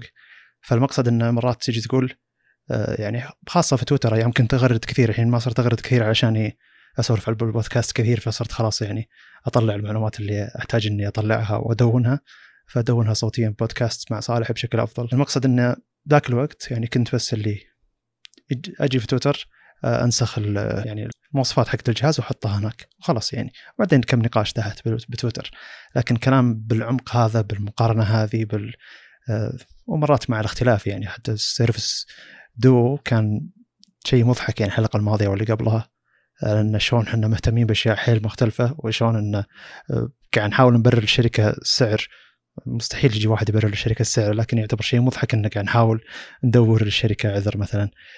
هذا ليش؟ عشان قاعد أستوعب أنا الشركات شلون قاعد تشتغل شلون قاعد تحاول إنها تطلع عن المألوف شلون تحاول إنها تصنع جهاز شلون تحاول إنها تخلي النظام متوافق مع الجهاز يعني المقصد إنه تصوري بشكل عام عن التقنية تصوري بشكل عام عن وقراءتي بشكل عام عن التقنية زاد وقلتها هذه ثاني مرة أقولها إنها من أجمل سنوات التقنيه بحياتي وأنا كنت أتصور ان هذه سنة تقنية جميلة لكن لا هي تعتبر سنة تقنية عادية لكن معدل اطلاعي معدل اطلاعي الأسبوعي اللي أغصب نفسي إني أروح وأقرأ علشان أشوف وش الموضوع اللي جدير نحطه بالبودكاست. هذا خلاني أقرأ بالتقنية أكثر وخلاني أفهم التقنية أكثر خاصة مع وجود شخص يعني فاهم أكثر مني شوي كمثل صالح يعني أقصد بمجالات معينة آه، هو درس فيها. فشكرا لكم أنتم وشكرا لصالح. هذه ما هي نهاية. هذه بداية بداية جديدة وأكثر يعني إحنا مستمرين. لكن آه، لازم نقول المشاعر اللي لازم نقول المشاعر اللي عندي لك- لكم أنتم كمستمعين ولصالح. وعموم آه، التغيير اللي صار بالسنة هذه أنا مستمتع جدا إني قاعد أسجل محتوى صوتي. قاعد آه، تقريبا سجلنا أكثر من حدود 50 ساعة ترى يعني خلال السنة الماضية كاملة. أكثر أكيد. وشيء مذهل جدا ما في شك إيه. إنه أكثر. وشيء مذهل جدا إن في ناس يسمعون لك. يعني أحس إنه ماني جدير إن الشخص يقدر يسمع لي للدرجة هذه. صحيح إن مستوى البحث والمعلومات يعتبر جيد لكن آه، أحس إني أقل من إن شخص 500 أو إلى 1000 شخص يسمعون لي بشكل دوري لكل حلقة. في حلقات طبعا تزيد على حسب الاهتمام والموضوع يعني. المقصد إنه آه، أنا استمتعت إني أسجل الشيء ذا وحسيت انه في عمق وفي من الناس اللي يسمعون قاعد يستفيدون أكثر من أي أي مج... أي منصة ثانية حاولت إني أنشر فيها معلومات حاولت إني أنشر معلومات من انستغرام مستوى الناس اللي قاعد يجون انستغرام مستوى متوسط جدا يبون آه، وش التطبيقات والألعاب اللي نقدر نحملها مثلا. آه، حتى لو إذا تكلمنا عن جديد التقنية يجون ويكونون متعصبين لجهة معينة عن جهة معينة وحتى باليوتيوب نفس الحركة هذه بتويتر نفس الحركة هذه. لكن لما يجي شخص يسمع لك لمدة ساعة ونص بالأسبوع بيعرف إن أنت ما أنت متعصب لشيء حتى لو إنك أنت متعصب لشيء آه، بيدري وش التبريرات أو وش أنت استخدمت وش وش تجربتك عموما علشان يكون عندك التصور هذا يعني. فالاشخاص اللي قاعد يسمعون لنا عندهم تصور أكثر عن مستوى الفهم مستوى انه في تعصب ولا ما في تعصب في حيادية موضوعية وطاقه الكلام هذا يعني أقصد وعي المستمع لنا فينا وفي المحتوى اللي إحنا نطرحه أكبر من أي وعي موجود في السوق التقني عموما يعني أو في في في المحتوى الت- التقني المطروح في في العالم العربي عموما إنه لأنه مزعج جدا العالم العربي وحتى العالم العادي يعني من ناحية إنه كل شخص يتعصب المكان كل شخص يتعصب المكان آه، ويصير في مج... ما فيه أي حوار مفيد يصير مجرد شخص متعصب للشيء ذا يتكلم عن الشيء ذا شخص متعصب للمجال هذا يتكلم عن الشيء هذا ويصير حوار عقيم كل واحد يدور عن الشيء اللي العيب في المكان الفلاني والميزة في المكان اللي يحبه. فيكون مزعج المجال هذاك لكن ما حصلت أي تعليقات مسيئه أي أي تعصب من أي جهة أو أي شخص يعني إنه جاء سولف معي وهو يسمعني البودكاست. أي شخص جاني وهو كان يسمعنا بالبودكاست ويتكلم عن البودكاست شخص فاهم حنا شلون نتكلم موضوعية وتكون مواضيعنا ممتازة. فهذه المشاعر للناس اللي جو إيه، سولفوا معي عن البودكاست أو قالوا لي شيء عن البودكاست انتقدوا البودكاست أو قالوا غطوا عن مواضيع معينة أو آه، كان تكلم عن موضوع معين إحنا تكلمنا عنه. فشكرا لكم وإن شاء الله نستمر مع بعض بشكل أكثر. آه، أنا وصلني ترى النقطة اللي ذكرتها بخصوص إن آه، يعني نوعية المستمعين وكذا. هذا شيء فعلا لاحظته وجاني أصلا جوني أكثر من شخص وكلموني إنه يعني آه، إن هذا المحتوى يعني أنا شوف أنا ما أدري إذا غطيت جميع ال ال يعني زي ما تقول المحتوى اللي يقدم هذا نفس الفكرة بالعالم كله. أنا ما أقول إني غطيته كله بس أقول لك بس يعني أدلل على كلامي إني في كث- كثير ناس جوني وقالوا إن هذا المحتوى إحنا ما شفنا مثله. جميل زين؟ جميل. آه، أسلوب الطرح هذا. فهذا أمر آه، يعني ممتاز. آه، ويعني بس أنا أوضح إن أبو فيصل ما قاله يعني على نظرته فقط. لا هذه على نظرة المستمعين وشكرا لكم على هذا الكلام. وفي نقطة إيجابية من البودكاست قبل لا تقولها أنت هالكلام هو مو أول مرة إحنا نناقشه بيننا إحنا الاثنين بس هذا أول مرة نطرحه بالبودكاست نفسه الحلقة نفسها اللي هو فكرة إن حنا يعني أنفسنا أنا وياك يا عبد الله مثلا كيف إن فعلا استفدنا من ناحية إعداد إني أجبر نفسي ساعات معينة اسبوعيا إني أقرأ في مجال معين وأثقف نفسي فيه وما أنشغل عنه. يعني ما تجيني فترات أكون مجتهد بشكل كبير وفترات ممكن أبعد عن السوق. أنا من أكثر العقبات اللي كنت أواجهها أبي منصة كذا تجمع لي خلينا نقول أخبار الأسبوع. أبي وأنا رايح الدوام ولا رايح لأي مكان أبي أسمع مثلا آه، سواء مكان زي سناب شات ولا يوتيوب ولا آه، كبودكاست. وكنت أفضل إنه يكون بودكاست. ما في مكان يعني كان آه، يجيب الطرح هذا اللي إحنا نقدمه. يعني إحنا أصلا وجود البودكاست هذا بالنسبة لنا هو سد فجوة ما كنا نشوف يعني إنه في محتوى يجي بهذه الطريقة اللي هي إنه يطرح الموجود بالسوق يعلمك وش حاصل مؤخرا بدون ما يدخل في خلينا نقول يتعمق بموضوع وجهات النظر وإنه متعصب وإنه يبرز يعني شيء معين يعني هو ما هو محايد فيه. فأنا ما هذا كلامي ما هو انتقاد للجميع اللي موجودين بالسوق ابدا بس إني أقول إنه يعني إحنا نبي نسد هذه الفجوة. ولا ولا حنا صح والباقيين غلط ولا شيء. بس إنه مجرد إنه آه، يعني هذا النوع من الطرح أتوقع يهم ناس كثيرين وعلى الأقل حنا آه، أبرزهم آه، لكن ما كان موجود وهذا فعلا يعني سبب وجود البودكاست. طيب أنا وشكرا العقب العقبه الوحيده اللي كانت براسي قبل لا نبدأ البودكاست إني كنت مبتلش إنه شلون كل أسبوع بنقدر نجيب محتوى نغطي فيه مدة كم إحنا في البداية قلنا نص ساعة إلى 45 دقيقة. فكان ببالي إنه أوه لا ما إحنا قادرين نغطي المدة ذي مستحيل يعني بتجي أسابيع فاضية. زي ما قلت تو يعني. لكن اكتشفت إنه يعني على حسب كمية اطلاعك وبحثك عن المعلومة وعن التقنية هو الكمية اللي تقدر تقدم فيها المعلومة فعليا. وعلى قد ما أنت عميق في كل شيء وكل واحد متخصص بمجال أكثر أو يقرأ بمجال أكثر بزيادة قد يكون الموضوع ياخذ فترة طويلة لكن يكون في توعية أكثر أو بناء معرفي أفضل. فالجميل والحاصل في البودكاست عموما ان نرجع نقول إنه في شيء تكلمنا عنه في الحلقة الفلانية، هذا الشيء تكلمنا عنه أكثر في الحلقة الفلانية، إذا تبي تفاصيل أكثر ولا تبي آه، شرحناه بالشيء بالحلقة الفلانية ونرجع نكمل عليه مثلا، آه، هذا يدل على ان فيه بناء معرفي سابق علشان تقدر تفهم الكلام الجديد وهذا شيء يعتبر جميل جدا ويدل على ان آه، يعني في معلومات قاعد تعطى. أنا ما أقدر أقيس إن كمية المعلومات اللي تعطى شلون لكن أتكلم عن إن لما أنا نفسي أحاول إني أرجع لشيء قديم علشان ألقى معلومة أو أحاول إني آه، أتكلم أقول لشخص مثلا تابع الحلقة الفلانية تكلمنا فيها عن الشيء الفلاني أو تابع الحلقة الفلانية تكلم فيها عن الشيء الفلاني. دليل إن في معلومة هناك تقدر تحصلها. بينما يعني لما أجي اسولف أتكلم بالبودكاست أحس إني قاعد أسولف ما أحس إني قاعد أقدم معلومة وكذا جدا عميقة. لكن لكن فعليا إني قاعد أقدم معلومة جيدة ودليلها إني قاعد أرجع ناس لها يعني. جميل. خلاص أنا ما عندي شيء. جميل. أه أي شيء ودكم تقولون لنا تعالوا لنا في تويتر ولا يفضل تويتر صح؟ إي نعم. آه، جميل. و... مع إني أنا ما ارد بس. لا حتى تويتر أقصد يعني يعني أقصد من حق من حقنا اننا يعني من حقنا مع استمراريتنا وكذا وكمية المعلومات اللي خ... اللي استمرينا نطرحها لنا آه، تتكلم آه، للناس عننا يعني. أشوف إنه من حقنا عليك. يعني أنا لما أستفيد من أي أي مكان أتكلم للناس عن إني أستفدت من هذا المكان. وحتى لو يجيني طقطقة على إنه يعني مثلا مرات الشباب يقولوا لي ذا الآدمي ما يستاهل إنك مثلا آه، ولا من حقين مثلا تطوير الذات اللي فيهم وفيهم ولا من حقين اللي كذا اللي فيهم فيهم مثلا يصير انتقاد للشخص نفسه. لكن دائما أقول إنه آه، قدم لي كم معلومة مفيدة وهذا شيء جيد. قلت لك أنا من جبت المعلومة.